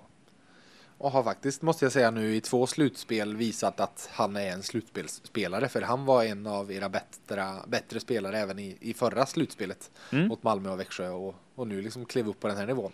Exakt, men man ska inte bara titta till målen och poängen utan Nej. jag tittar också till spelet i stort där så, så tycker jag att han gör väldigt mycket rätt saker och spelar på rätt sätt och fullföljer sina tacklingar och vinner sina kamper och håller pucken och blockar skott och alla de där grejerna. Det, Ja. det är det som jag tycker är- är det bästa att man, man adderar till det här med, med mål och, och, och avgöra matcher i slutspelet. Så han spelar på rätt sätt och det är möjligt att det är som du säger att den, den sortens eh, spel och hockey passar ännu bättre i, i slutspelsformatet. Mm. Vi hoppar upp ett nummer till en av dem som vi säger tack och hej till. Gustav Rydahl, nummer 15. Mm, kungen ifrån Råtorp eller? Ja, exakt. Vi ska bli kungen av Manhattan. Vi får väl se Ja. ingenting officiellt än. De väntar, håller i det. Ja, det är inte Rangers. officiellt än. Nej, då, ingenting är ute. då bekräftar vi ingenting Nej, heller. vi bekräftar ingenting. Det har eh, Cap Friendly har lagt ut kontraktet och så vidare. Ja, det var så det var. Men Rangers har inte kommunicerat någonting än. Men eh, ni har ju berättat att han ska lämna Ja, han har berättat att han kommer lämna oss. Ja. Eh, och, och flytta till Nordamerika. Ja, det är ju det precis. han kan lämna för. Så sett. Ja. Exakt, och, och det har man väl en viss förståelse för att han eh, just gör det, lämnar för Nordamerika. Eh, har haft en mäktig resa sedan han kom till Färjestad från, Ja. från Luleå där som ut, ut, inte utfyllnadsspelare men breddspelare och har, lämnar som Han var ju inte ens breddspelare i Luleå. Han, var ju, Nej. han spelade ju inte ens. Han satt på läktaren. och lämnar som första center här. Så Ja. det är ju bra jobbat framförallt av Gustav men hela föreningen och, och ge honom chansen där och, och, och växa in. Sen hans eh, hans X-faktor med skridskoåkningen och, styrkan och den här oberäkneligheten Eh, den kommer vi sakna. Ja. Han är en, en, en härlig karaktär eh, som kan vara en liten belastning för sig själv ibland när humöret spelar honom ett spratt. Men det, det är också en, en kille som lärde sig under slutspelet att inte vara en belastning för sig själv och laget utan eh, ta det där på rätt sätt. Och jag tror inte att det var jättemånga som blev glada när han Eh, åkte ut och skulle ta en tekning emot dem i motståndarlagen i slutspelet, alltså med, med den fokusen och, och den inlevelsen han har, har spelat med. Ja, eh, min, min eh, eh, favoritsekvens med honom i slutspelet var uppe i Skellefteå efter match tre, tror jag det var. När Tom Kühnacker hade snott hans klubba. Mm. Och han kom där. Jag, alltså så här, han var inte, det var inte det att han var uppjagad. Liksom. Det var inte det att han gick och skrek och gastade. Men det var liksom, fan att jag ska ha min klubba. Han tog min klubba. Jag ska ha den. Och så vidare. Ja, jag var där och, och sa till dem också att ni skickar tillbaka den där klubban, men då hade de trampat av den och eh, betett sig illa. Men ja, sånt där som händer i stridens hetta. Men, men det Gustav då gjorde och som vi pratade ihop oss med honom om, använde det här som tändvätska istället. Ja, Och det gjorde han. ja. Så gott så. Gott så. Ja. Sjukt ovanligt ändå att sno en klubba. Har du blivit en klubba stulen någon gång? Ja, men det har väl hänt att man har sett att någon klubba blir liggande där och så har du sett några bilder i i NHL bland annat från den gamla goda tiden Ja. mellan Detroit och Colorado när de slår sönder, jag kommer inte ihåg vems klubbar det var. Det liksom så här. Men jag tror ju på sånt där att det straffar sig själv när man håller på eh, och säger inte att det är det som avgör, men lägg inte fokus på det och det, det gjorde inte Gustav och inte vi heller och fastna i den. Men eh, lite oproffsigt kan man tycka att det är när man har vunnit och, och, och ge tändvätskan till Ja, motståndarlaget. ja, men exakt. Och den kostar ju två och ett halvt tusen också Ja, klubban. just det, just det. Det är bara att skicka en faktura till Erik Forsell så får han ta och betala Nej. det där. Det, det är utrönt. Du, eh, men vi har ju faktiskt poddat jag och du efter eh, säsongen tog slut för att jag intervjuade ju dig också där uppe på, i, du stod i båset och jag stod på isen efter, efter finalen. Jag vet inte om du minns det ens. Nej, knappt. Vi pratade några minuter eh, och då så sa du om Per Åslund, för det var strax innan han åkte fram och fick sitt MVP-pris, så sa du nu går du och skriver en krönika och hyllar, hyllar Per Åslund. Eh, jag log för mig själv då för att jag hade precis publicerat en krönika där jag hyllade Per Åslund. Så det var, det var, och min krönika handlade om att han fick till sist den, all den uppskattning han var så förtjänt av i det här slutspelet. Ja, och det var väl ungefär det jag menade, så det var väl ingen hot take direkt att Nej. du skulle göra det, men, men det kom från hjärtat att eh, allt som har eh, allt som har hänt de sista åren också med den uppskattning han inte har fått Ja. eh, tycker jag och blivit liksom lite tagen på nåder. Eh, nej, det, det var någon form av hockeykarma även där Ja. och det var så oerhört välförtjänt också tycker jag på sättet han spelade med en skadad axel och, och ändå ta varenda smäll. Eh, Gått och sagt åt honom, du behöver ju faktiskt inte gå in i alla närkamper när du har ont. Eh, Men det har han gjort ändå för det finns bara det sättet att spela på. Så pålitlighet, eh, det har han alltid haft, men också få krydda det med att skina i rätt läge. Eh, När igen 2011 så var det alla andra som var borta med Jörgen Jönsson och Peter Nordström när vi vann. Nu, nu var det bara han som var kvar sen den, det förra guldet och, Ja. och den, den förra, jag ska inte säga gyllene eran, men det En har ju till. varit ett... En till. Ja, vem tänker du på då? Peppe Lund. Förlåt, Ja, Peppe. han har ju kommit tillbaka men Per Åslund är väl. Ja, Per han har varit varit kvar hela borta, tiden. men det känns inte som att Per har varit borta överhuvudtaget. Nej, du ser. Nej. Eh, känslorna tar överhanden ibland när man pratar också, även om man borde veta bättre. Nej, men jag tycker att det han spelar ju alltid på rätt sätt. Grundserien kanske inte är hans bästa grundserie, eh, men han har ändå varit en faktor. Och Trea i poängligan ändå.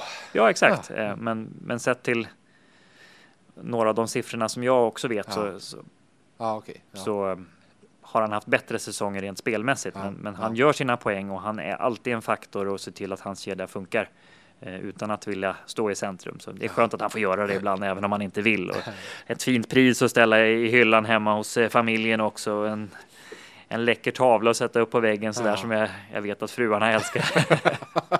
Precis. Och Linus tog med sig just Per för att lyfta bucklan. ja, fin gest. Ja. Det- Du har gjort det själv en gång med Jörgen. Ja, det var väl lite annorlunda Ja. i, och för sig, eh, men en, en gest av Linus som visar att han är omtänksam mot lagkamraterna. Jag tror att alla i laget, eller jag vet att alla i laget uppskattar Åsa extremt mycket för, för den personen han är, även om man kan vara lite sur och tvär och eh, vill att det ska bli på, på det bästa sättet eh, under säsongen och under resans gång så det är det som krävs för att vinna. Så, eh, det, var, det var ett stort ögonblick att, att få vara med om från Ja. sidan om också och se. Sen blev han ju blåst på den sista assisten där för, Ja men för på 19 riktigt. poäng. Det, det är ju, det är klart han ska Ja, ha en assist på den. Det är han som vinner pucken. Har ni mm, sagt till? Nej, det jag då? upptäckte det för sent så. Ja okej. eh, Och för i efterhand så det, när det väl är liksom inskickat då är Ja, det. då, då är det nog så tror jag. Ja. Dessvärre. Men eh, det priset kan ingen ta ifrån honom i alla Nej. fall. Och, nej, jag väldigt, väldigt glad att han blev kvar i Färjestad även det här året och att Ja. han är kvar nästa år. Och, och nej, det, vi hade inte kunnat göra det utan honom. Och det var en axelskada alltså, som var det han gick och drogs med. Sa jag det? Ja, du sa det. Ja, ja det var det. Det var liksom ingen, ingen Nej. hemlighet. Var det något som hände i slutspelet eller vad var det? Är det något gammalt som? Ja, det hände i slutspelet Ja. och det är en sån här skada som inte blir värre, men det gör fruktansvärt ont. Ja okej. Eh, och då ändå kunna prestera på den nivån. Det är stor respekt. Nummer 25 som blev svensk mästare för tredje gången i karriären, Martin Johansson. Och jag pratade med honom igår och han sa att där hade vi en, han fick ju guld 2009. Mm. Eh, Men då hade han varit utlånad, gjorde ju ändå 44 matcher och så, här, så han var ju bara utlånad i slutet, men spelade ju inte slutspelet. Så han sa att det, det guldet, det kändes som att han var mer passagerare. Sen fick han ju ett guld i Gävle, men han sa att det här, det här är det största jag varit med om i karriären, tveklöst, att få vinna här i Karlstad. Ja, eh, det förstår jag att han säger. Eh, och med familj och, och Ja. vänner runt om på ett annat sätt och i slutet av, av karriären så har man ju en större uppskattning för allt sånt där som händer, än det som händer i början. Så, Ja, eh, men Martin hade en, en jobbig säsong där det gick upp och ner eh, för honom och, och hade en otacksam roll i fjärde kedjan som inte fick att funka länge. Eh, var skadad och sjuk och, och ett tag utanför laget men tog sig tillbaks in och jag tycker också att han gjorde sina bästa matcher i de sista fyra, fem i finalserien. Eh, verkligen. Totalt sett ett, ett ganska bra slutspel också och petade in några mål i rätt lägen. Så ja. kul för Martin och, och starkt jobbat att komma tillbaka och vara som bäst när det gäller. Kontraktet går ut och han sa att bollen ligger hos Färjestad. Eh, Hans priolista var typ Färjestad, Färjestad, Färjestad. Ja, men det förstår jag att den är med, med tanke på igen vart han är i karriären och, och familjesituationen och allt det där. Så um, den en delikat fråga Ja. ehm, som vi ska hantera på bästa och mest respektfulla sätt. Nummer 26, Joel Nyström. Ja, Joel Nyström tycker jag är häftig. Eh, både sättet han spelar och, och en blandning av kaxighet och, och, och ödmjukhet. Eh, Ja. och gjorde det väldigt bra i, i slutspelet också. Var bra innan jul, hade det lite tyngre efter jul, efter junior-VM. Men ehm, ja, jag är ju full av, av beundran för att trots sin litenhet att han kunde steppa upp sitt spel så mycket i slutspelet. Så också en stor, stor faktor att han kunde äta lite minuter när Wikstrand gick ner på ett sätt som som gjorde att vi fick ihop backsidan Ja. totalt sett. Han, eh, ja men han, som du säger, han, han hade ju kämpigt i någon match och så vidare. Han och Lennström var inne på väldigt många mål nere i Ängelholm i en match och så vidare. Men det känns som det finns ganska mycket mental styrka i honom att ta sig tillbaka från, från sådana där och sen komma in och spela sin obrydda hockey där han gör sina piruettvändningar och vänder bort spelare i nästa match igen. Ja, det är också mod att våga spela fast det har gått Ja. lite tungt någon match. Så, nej, det gjorde han bra Joel och han utvecklas hela tiden. Även om det ibland går lite framåt och ibland går lite bakåt. Så det är en spelare som vi såklart hoppas och tror väldigt mycket på i, i framtiden. En bra förebild för, för alla unga, unga hockeyspelare vi har i föreningen också med, med sin träningsvilja och just sitt sätt att, att våga spela. Hur säker är du på att du får ha kvar honom? Har du pratat någonting med Carolina? Nej, det, det har jag inte, men det som kan hända med, med Joel är att de signar honom och i så fall att han ska ta plats i NHL-laget redan till hösten. Och, eh, det tror jag är för tidigt, eh, om jag ska vara helt ärlig, både för hans utveckling och att han fysiskt inte är redo för att kliva in på, på den scenen och, och vara så pass bra. Men Och det är ett ganska bra lag också som fortfarande håller på att spela exakt. uppe bland topp Ja, ja, nej, så vi, vi får se vad som händer med Joel Nyström, men han har saker kvar att utveckla och hoppas att han, eller jag tror att han kommer göra det hos oss. Jag ska passa på att ta en liten rättelse kring Joel Nyström, för jag skrev en artikel här när det nya NHL-avtalet skrevs om att åldern höjdes eh, på spelare som får som eh, SHL-klubbar har rätt att åter eller kalla tillbaka om de inte tar plats i NHL. Eh, och Johan Hemlin kom på under slutspelet så såg så han sa du jag måste bara rätta det där för att vi missuppfattar varandra lite. Och åldern höjdes ju för alla spelare, men den höjdes bara för alla spelare som signar från och med i år. Men Joel som har, som är, eller inte, som är draftas eller signar från och med i år ska jag säga. Joel som är draftad sedan tidigare så gäller fortfarande det gamla avtalsåldern för honom. Men ja.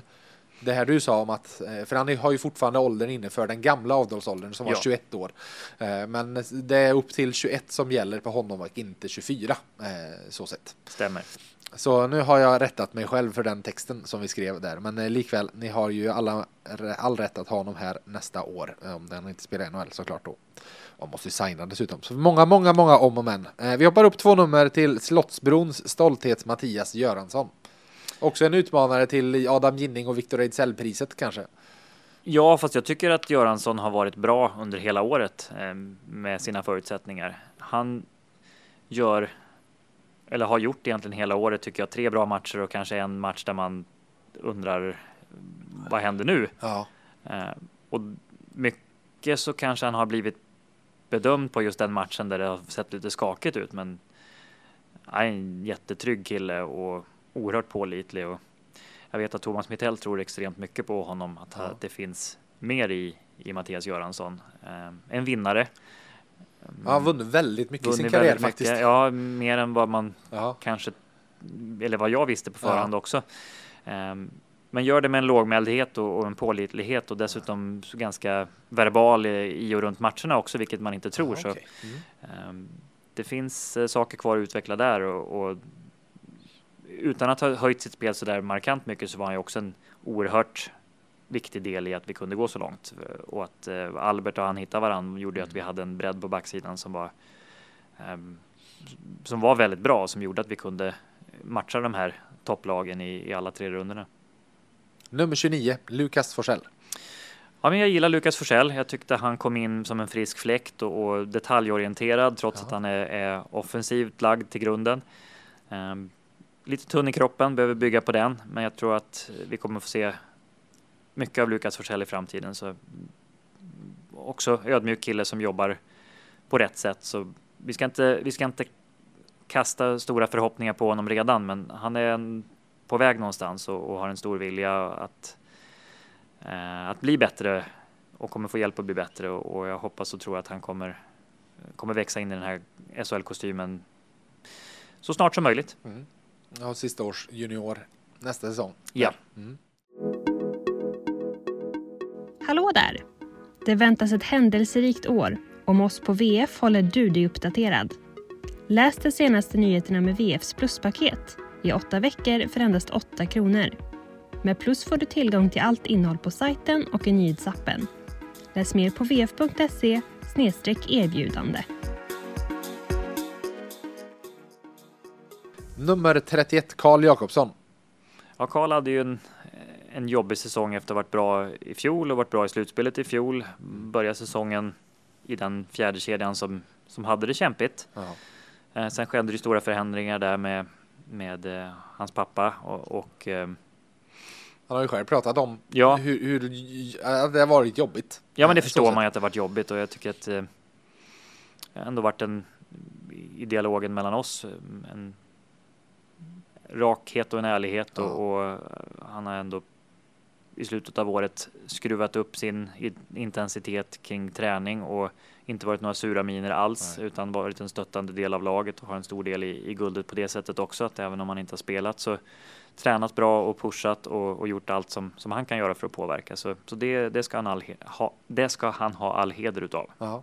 Hur tänker ni kring framtiden? Han har ju ett år kvar på kontraktet och som sagt det var Sen Thomas klev in så har han spelat fyra minuter totalt. Ja, så det är lite svårt att, att säga att han har fått chansen på ja. det sättet. Men, men då var han inte i en kanske position där, där han var speciellt nära att spela av, av olika anledningar. Och, men Thomas och han vet jag också har en, en dialog och har haft en dialog där, där de har en plan helt enkelt. Han ska vara så bra han kan eh, i augusti. Ja. Eh, och sen om han ja, vi, vi, får helt enkelt känna efter vart han vill vara ja. mentalt för att um, um, för att det ska bli så bra, bra som möjligt för Karl också. Ja.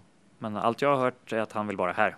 Uh, och då så, så han kommer, det är ingenting som kommer hända nu utan han kommer att vara med och köra hela sommaren med er? Och, och ja, han är kontrakt, ja. han är kontrakt med, med oss mm. som, som det är i nuläget och vi, vi ser inget annat. Nej. Nummer 33 som till sist tar sitt pick och pack och flyttar till Nordamerika, Albert Johansson.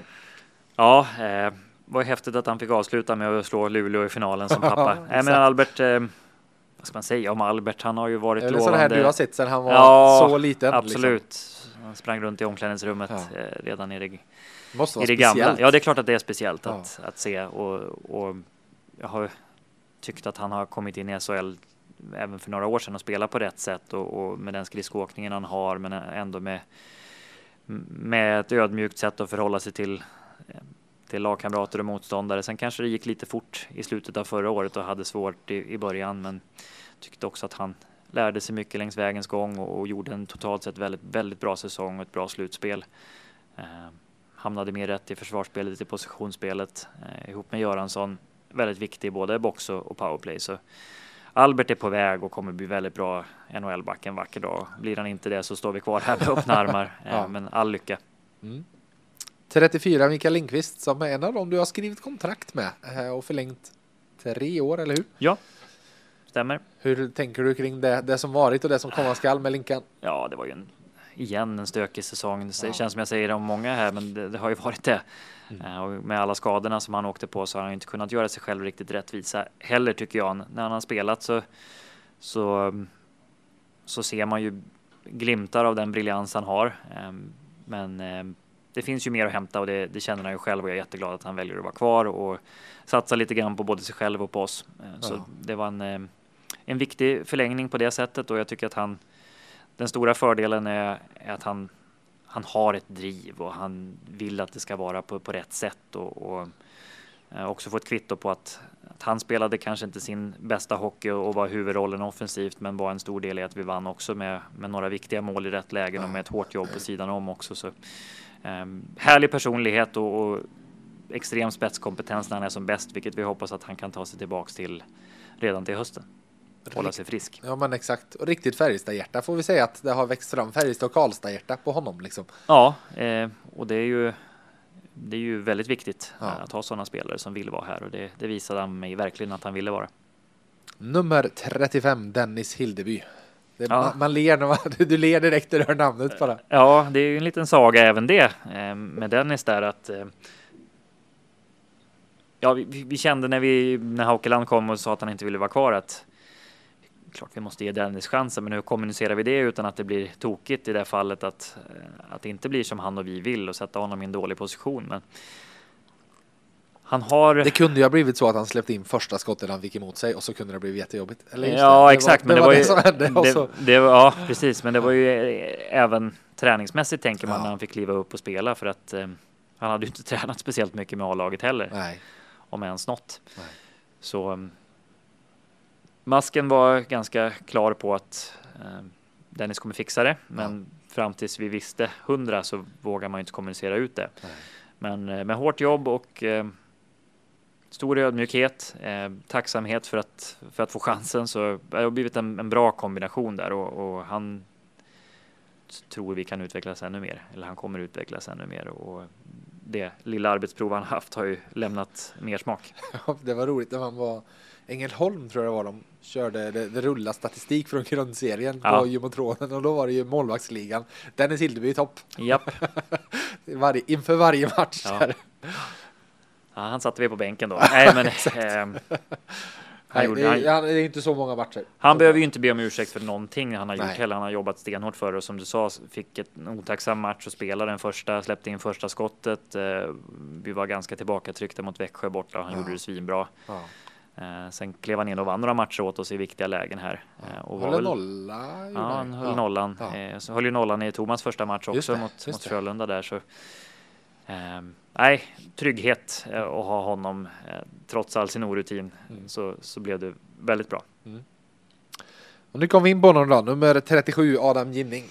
Ja, höga berg och djupa dalar där så ja. han fick det och ramla rätt och hamnade i också ska vi ge Jesse Virtanen credit för att han ehm, gav stabilitet åt Adam att spela sitt spel. Men han har ju, och det är det som är frustrerande med, med Adam Ginning som han spelade i grundserien, att han har ju så bra grejer och sen så ibland så så, så blir tokigt. det så tokigt. Eh, Så skalar han bort tokigheterna så kommer han bli en superbra back. Ja. Eh, Och var det i slutspelet så och var det även nu efter slutspelet Ja. också som MVP Ja. eh, på guldfirandet. Och nu sticker han till Philadelphia, Mm. tvåårskontrakt som de signat. Och det är väl, eh, Ja, de tappar det- ju rättigheterna Ja. och det är bara att önska grattis och lycka till. Eh, klart positivt för er, ifall han nu skulle lämna så var det bästa stället att lämna till när ni får faktiskt pengar för honom. Ja, dels det. Sen kan man ju tycka att det hade varit kul att se hur han hade fortsatt kunna Ja, jobba ja. ihop med, med Thomas och, och gänget där när han var på, på rätt spår och bygga vidare på det som fanns. Men jag fattar ju att han tar chansen. Men så här då, gick han nu kanske du visste redan innan slutspelet att han skulle dra och så vidare. Men hade, du, hade det inte funnits Philadelphia så hade du gärna velat förlänga med honom sett till, sett till det han visade i slutspelet. Ja, han stärkte sina aktier på alla sätt och vis på det sättet han spelade i slutspelet. Eh, Det gjorde han ju. Eh, Det hade kanske varit svårare att förlänga med honom på grundserien, men, Ja. men det är ju det här med unga spelare. Att ibland så, så hittar man rätt där och då gäller det att ha ödmjukheten och bygga vidare på det. Och det, jag tror och hoppas att, att han har att poletten liksom har trillat ner där, att det är Ja. så här jag behöver vara. Exakt. Välkommen tillbaka dem. Ja, Om är precis. Nej, men det är ju inte goodbye forever liksom. Han var väldigt omtyckt i och runt laget här och, och ja, en, en stor del är att vi vann guldet i år.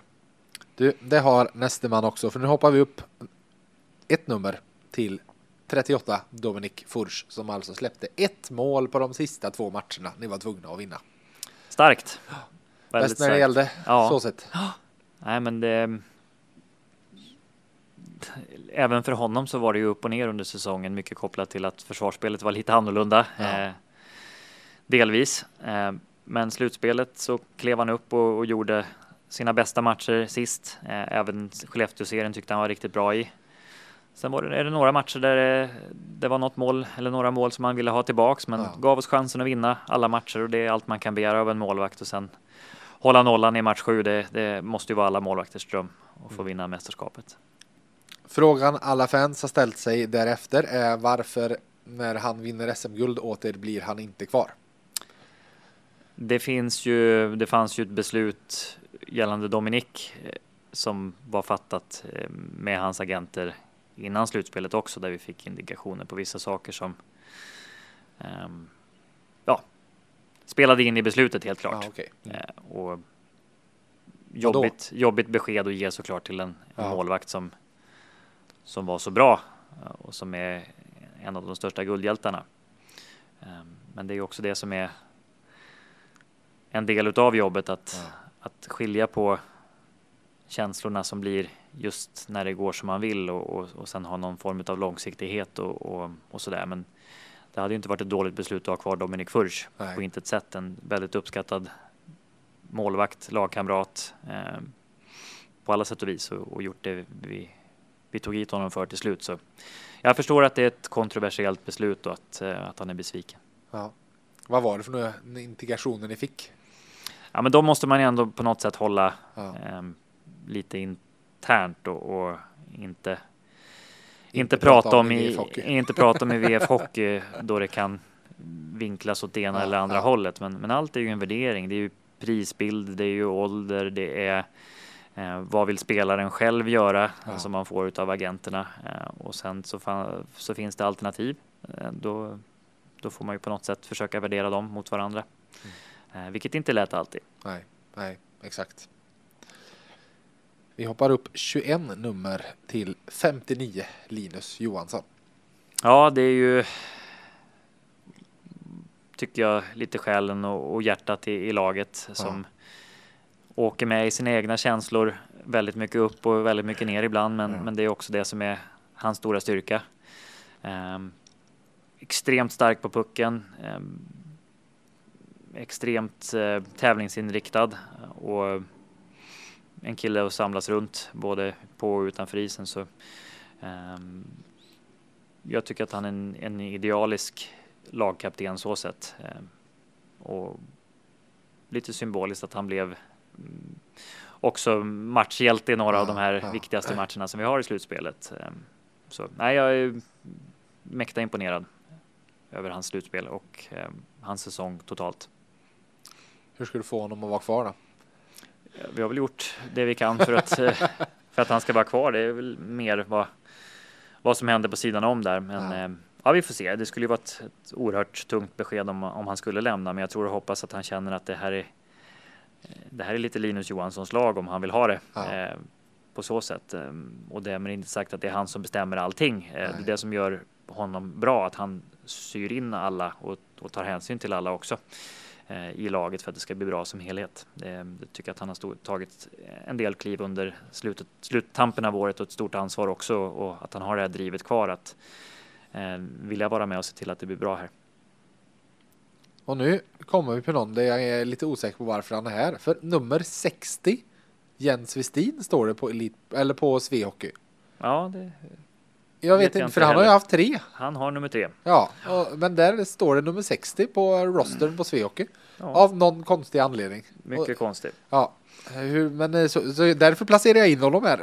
men eh, jag vet inte riktigt varför. Ja, tur han dök upp i alla fall totalt, för han missade honom i början där Ja. på nummer tre positionen. Ja. Äh, men Jens Westin, det blev ju en rumphuggen säsong minst Ja. sagt och man lider ju med honom att han inte har mått bättre än vad han har gjort. Men han är ju ingen belastning på att ha med i och runt laget har tränat på på is delvis och, och utanför, men, men är inte redo att spela helt enkelt och det är bara att hoppas att han blir till en början frisk eh, så att han kan leva sitt liv som vanligt på, på utsidan av hockeyn. Ja.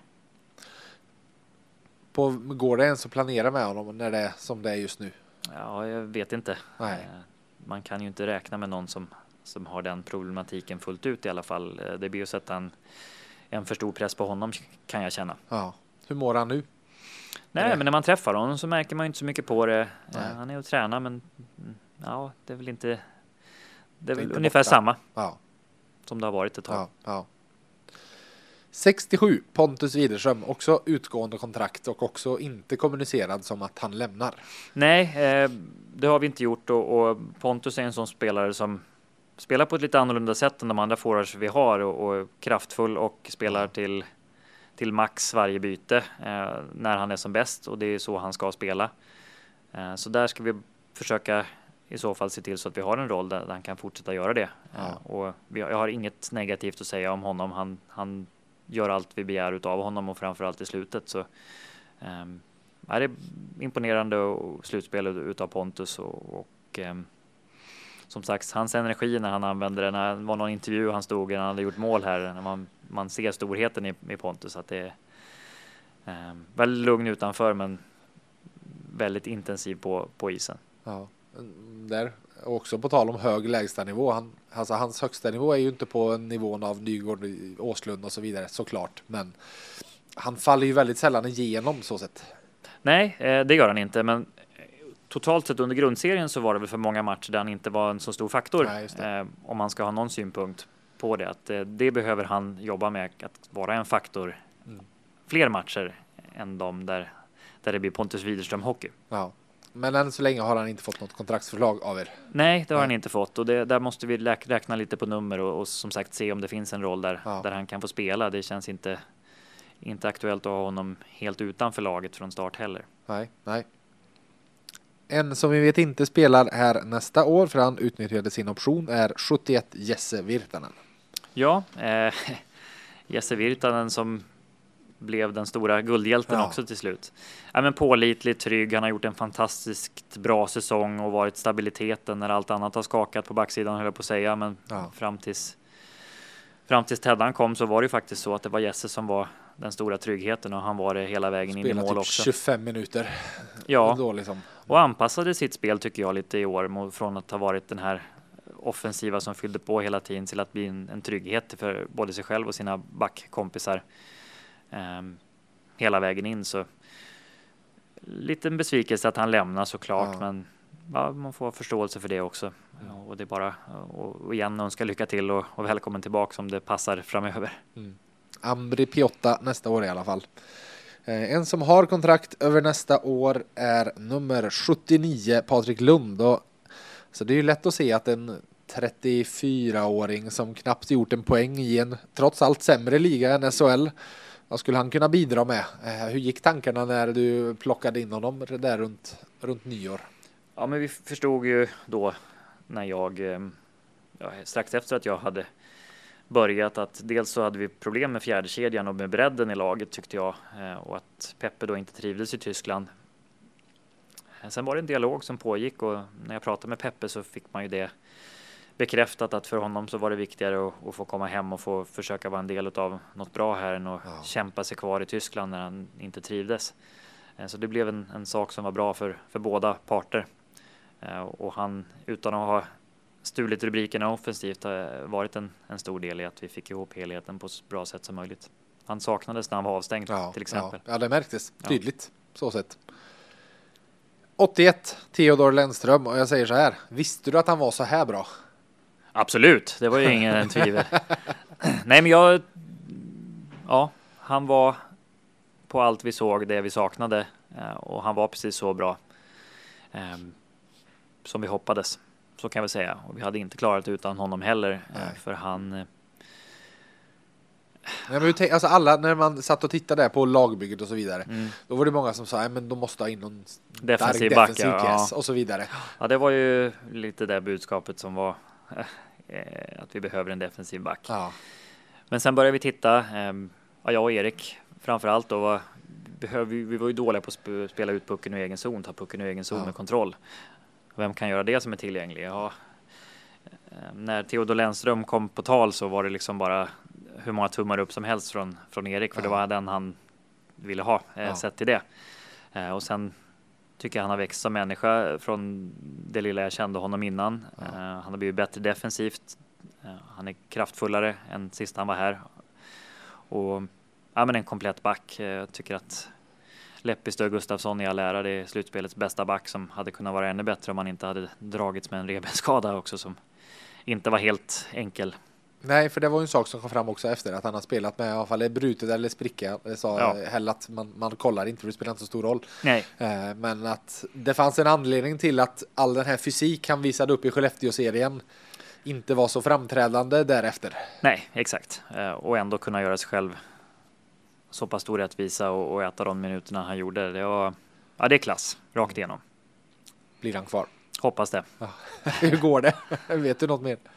Ja, alltså, vi har en, en bra dialog har vi. Ja. Eh, så jag har väl på något sätt ändå goda förhoppningar om det. Men man kan inte ta ut någonting i förskott heller förrän, förrän det är klart. Men vi kommer göra vad vi kan för att han ska vara, vara kvar och det vet han också.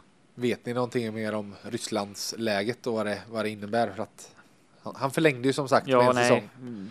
Det, det, är väl någonting som jag inte har full koll på, nej. men som jag förstår så så har han ju, eller han har ju ambitionen att inte åka tillbaka till nej, Ryssland. Nej, det har han ju sagt själv ja, att han ja, vill inte ja, dit. Så. Nej, ja. så är det.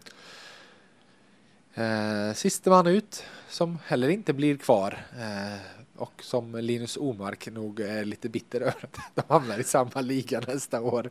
Kanske hoppas slippa honom i slutspel. 95 Jakob Delaros. Ja. Eh,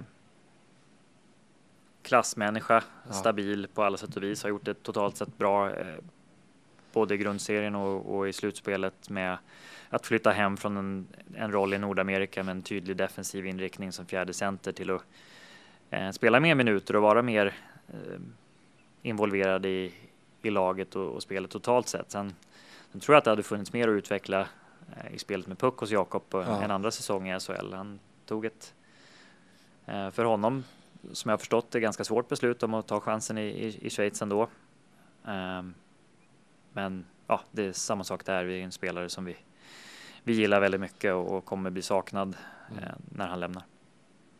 Jag stod och pratade med honom i Ängelholm efter den matchen när han gjorde två mål där. Mm. Eh, det här, alltså Jakob har ju en personlighet. Han är ju jättetrevlig men han kan vara ganska trubbig. Han kan vara ganska, eh, inte trubbig, det var fel ord va? Han kan vara ganska hård, i, låta hård i tonen och det lät han på det här, ett, ett, svar som han gav mig. Och jag förstår varför, jag tog inte illa upp uh, för det minsta. För att han gjorde två mål och sa jag, du vet du när du gjorde mål senast? Nej, men det gissar jag att du vet, sa han. Ja. och, så, och så sa jag, ja men november, mm. okej, okay, sa han. Ja. Och det var lite så här, jag, jag pratade ju en del med honom inför säsongen. Vi var och åkte rallycrossbil med Johan Kristoffersson och så vidare. Väldigt tydligt när man pratar med honom en liten stund om att nej, men han, han vet att hans roll är inte att göra mål. Det var snarare det som kom fram i svaret att men det är inte framförallt det. Jag vet vad jag bidrar med och jag vet Mm. vad min roll är. Att det, var inte, det, det spelar inte så stor roll för honom att han inte hade gjort mål sen i november. Nej, inte när det kom till slutspel, men jag tror att han upplevde det lite så under delar av grundserien och efter OS så där att han hade velat vara med och, Ja. och bidra mer offensivt också eh, med den större rollen han hade. Så det jag menar med att det, det hade säkert funnits mer att hämta där med, med lite trygghet i Ja. att det totalt, totalt sett blev bra, för jag tror att han la ganska mycket press på sina egna axlar.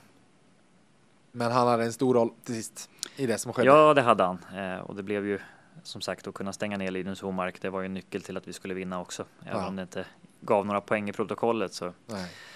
Eh, De var ju väldigt bra och, och mot eh, Jocke Lindström och Oskar Möller där i, Ja. i kvartsfinalen så är det är häftigt att ha olika karaktärer som, som kan ta sig an uppgifter på olika sätt och, och bidra till laget.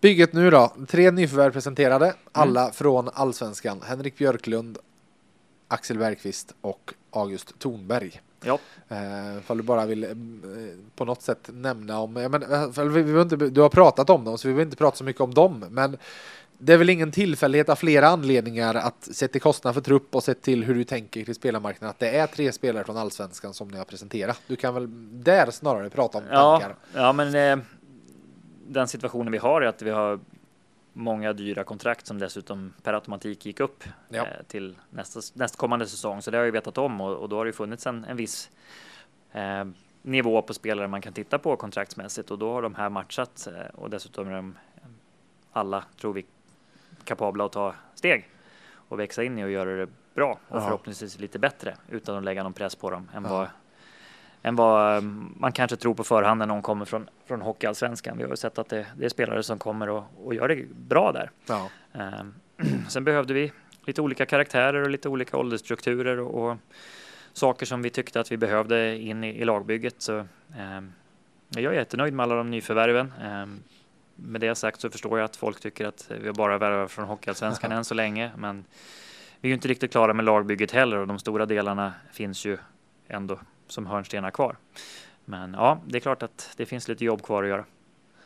Hur ser processen ut nu då? Och framåt och, och i den här processen, hur involverad är Thomas?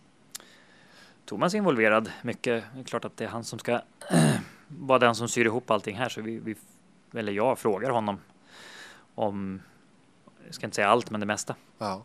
Det känns som att ni på något sätt har hittat varandra i, i en sån. Alltså för, trots allt, innan han kom och du pratade om att det skulle in en sportchef. Mm. Eh, nu har du ändrat till att det ska in en scout istället. Eh, Jag eh, var väl ganska tydlig med att om det sen blir en sportchef eller scout, Nej, det är det inte klart. Nej, det. så, det kanske bara var vi alla ja, som det var nog ni som... ehm, sen, Men har det Det liksom som var blivit att sagt- Thomas har tagit lite av en sån roll också? Att han finns med ganska mycket i, i de här tankarna och att ni, ni så sett bollar dem?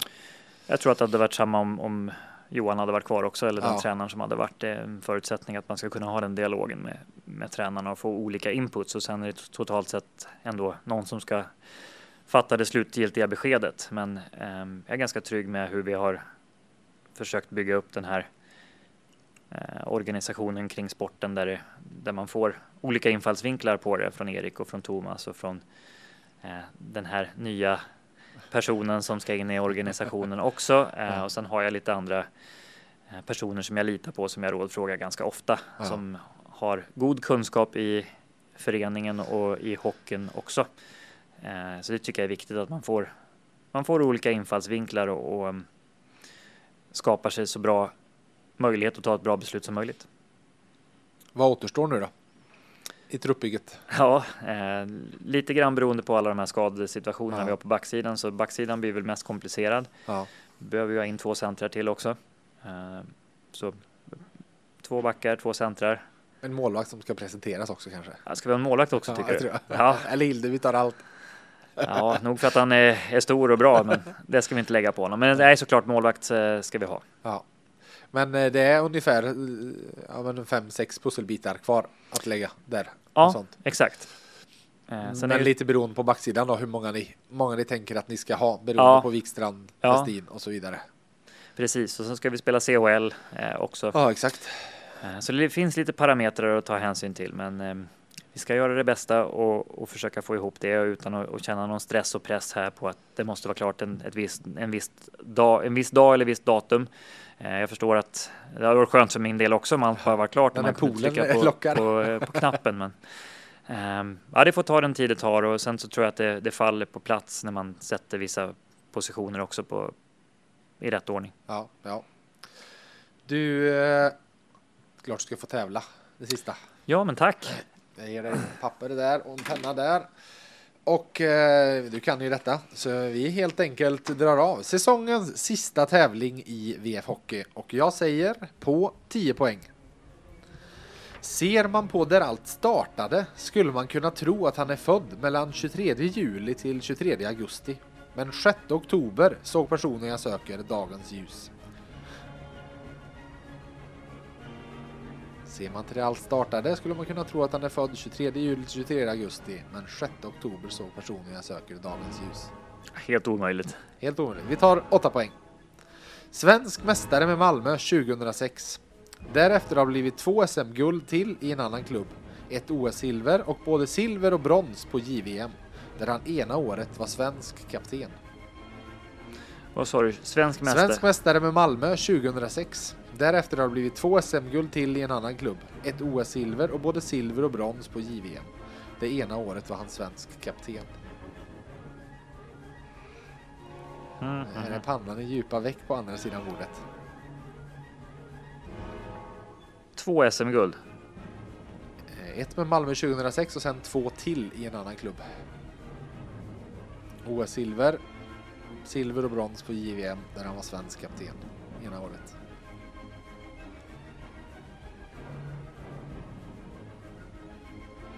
Jag har ett svar. Du har ett Jag svar. sätter- Vill du eh, låsa in det och vara nöjd på 8 poäng? Ja, jag måste vara lite... Ja, ja, då kör vi. Och jag läser vidare på 6 poäng. Har gått i samma fotspår som tre år äldre brorsan. Så därför är det logiskt att de två senaste SM-gulden spelarna jag söker tagit är med Färjestads emblem på bröstet. Känns det bra? Det känns bra. Fyra poäng. Lejonet jag söker har faktiskt inte spelat i Sverige sedan 2013, då i Bickalskoga för övrigt.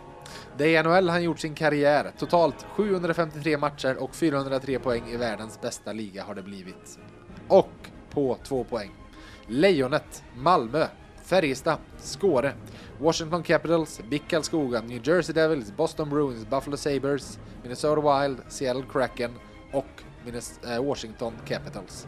Lägg till Färjestad BK och drömnamnet på alla fans har här i silly season är i hamn och på Rickard Wallins lapp på 8 poäng så står det Marcus Johansson! Ja, Ja! det var... Det var faktiskt en liten chansning på Det var åtta det. poäng. Tian Ja. var jag helt ute och cykla på. Eh, men eh, sen på sex hade jag tagit den enkelt, tror jag. Eh, Det tror jag också. Det tror jag också faktiskt. så det här var skönt. Det var skönt. Avsluta på en åtta, det är ju fint. Det är Ja. fint. Eh, det jag var inne på på 10 poängen ser man till allt startade, det han har ju Lejonet som moderklubb. Ah, Du fick eh, stjärntecknen, eh, datumen där man är lejon, mellan 23 Ja, nej, juli det- till 23 augusti. det kan jag inte. Du läser för lite horoskop, det är Ja. nog bra det Rickard. Men den 6 oktober är han född själv. Och sen var det ju med SM-gulden, jag försökte att dribbla bort lite, men där tog du det. Eh, Malmö var med U16, han Mm. vann SM-guld 2016. Två SM-guld med en annan klubb, var ju här. Vilka, vilka lag var det? eh, ja, när kan det ha varit? då? Det måste ju ha varit 09. 09 och, Och sen, sen har han ett J18. J18, Ja, ja, just det. exakt. Tror jag 08 eller 07. Ja. Eh, något, av, något av åren där. Eh, och sen som sagt, jag tror ni tar de mesta. Eh, tre år äldre brorsan eh, och därför med Färjestad och som sagt gjorde en liten session i BIK Karlskoga. Det är hans senaste svenska klubb. Mm.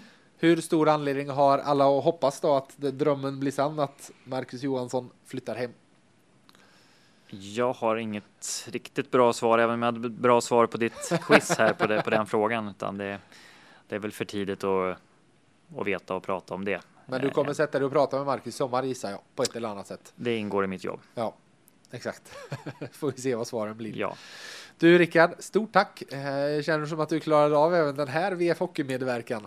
ja det man får väga sina ord lite mer än när man rankar Värmlandssvenskarna. Det, det är ju helt klart och, och eh, ganska givande och nyttigt ändå att få samla tankarna kring spelarna i det här ja. formatet och jag hoppas att det, det, har kommit fram ungefär vad, vad jag tycker och tänker eh, på ett bra sätt. Men det, det är kul att få, få prata om, om det i lugn och ro efter säsongen också och blicka lite framåt och tacka för, för samarbetet också ja. genom året och slutspelet. Det blir lite annat när man hamnar på olika sidor. Ibland är vi inte helt överens, men eh, Tacka för engagemanget eh, ja. på alla som lyssnar på VF-podden också. Hoppas att ni fortsätter att följa både den och laget. Exakt. Eh, för det här var sista avsnittet för säsongen. Ni har fått lite bonusmånader vanligtvis, eller vanligtvis, men de senaste åren har ju säsongen tagit slut i mars någonstans där. Men nu fick ni några bonusmånader, men nu ska VF Hockey ta lite sommarvila. Nu ska VF Hockey också få bada lite och så återkommer vi ju i höst igen och ni vet precis vad som väntar. Då ska det bli flippar och floppar och det ska bli plusbetyg och hela köret och så är det en ny säsong och förväntningar och ett guld som ska besvara, försvaras. Är du laddad redan nu? Längtar du? ja, men det är klart att man är laddad, men det ska bli skönt med lite semester och, och samla tankarna och samla energi eh, igen. Så det här med, med olika cykler på året, det är ganska skönt eh, faktiskt. Så kommer hungern infinna sig här igen. Men det man längtar efter blickar ut över arenan igen när man var full. Alltså det är de, de minnena som man tar med sig i sommar, eh, stämningen som var här inne. Med de orden så tackar jag Rickard och eh, säger till er lyssnare att ha nu en så himla härlig sommar.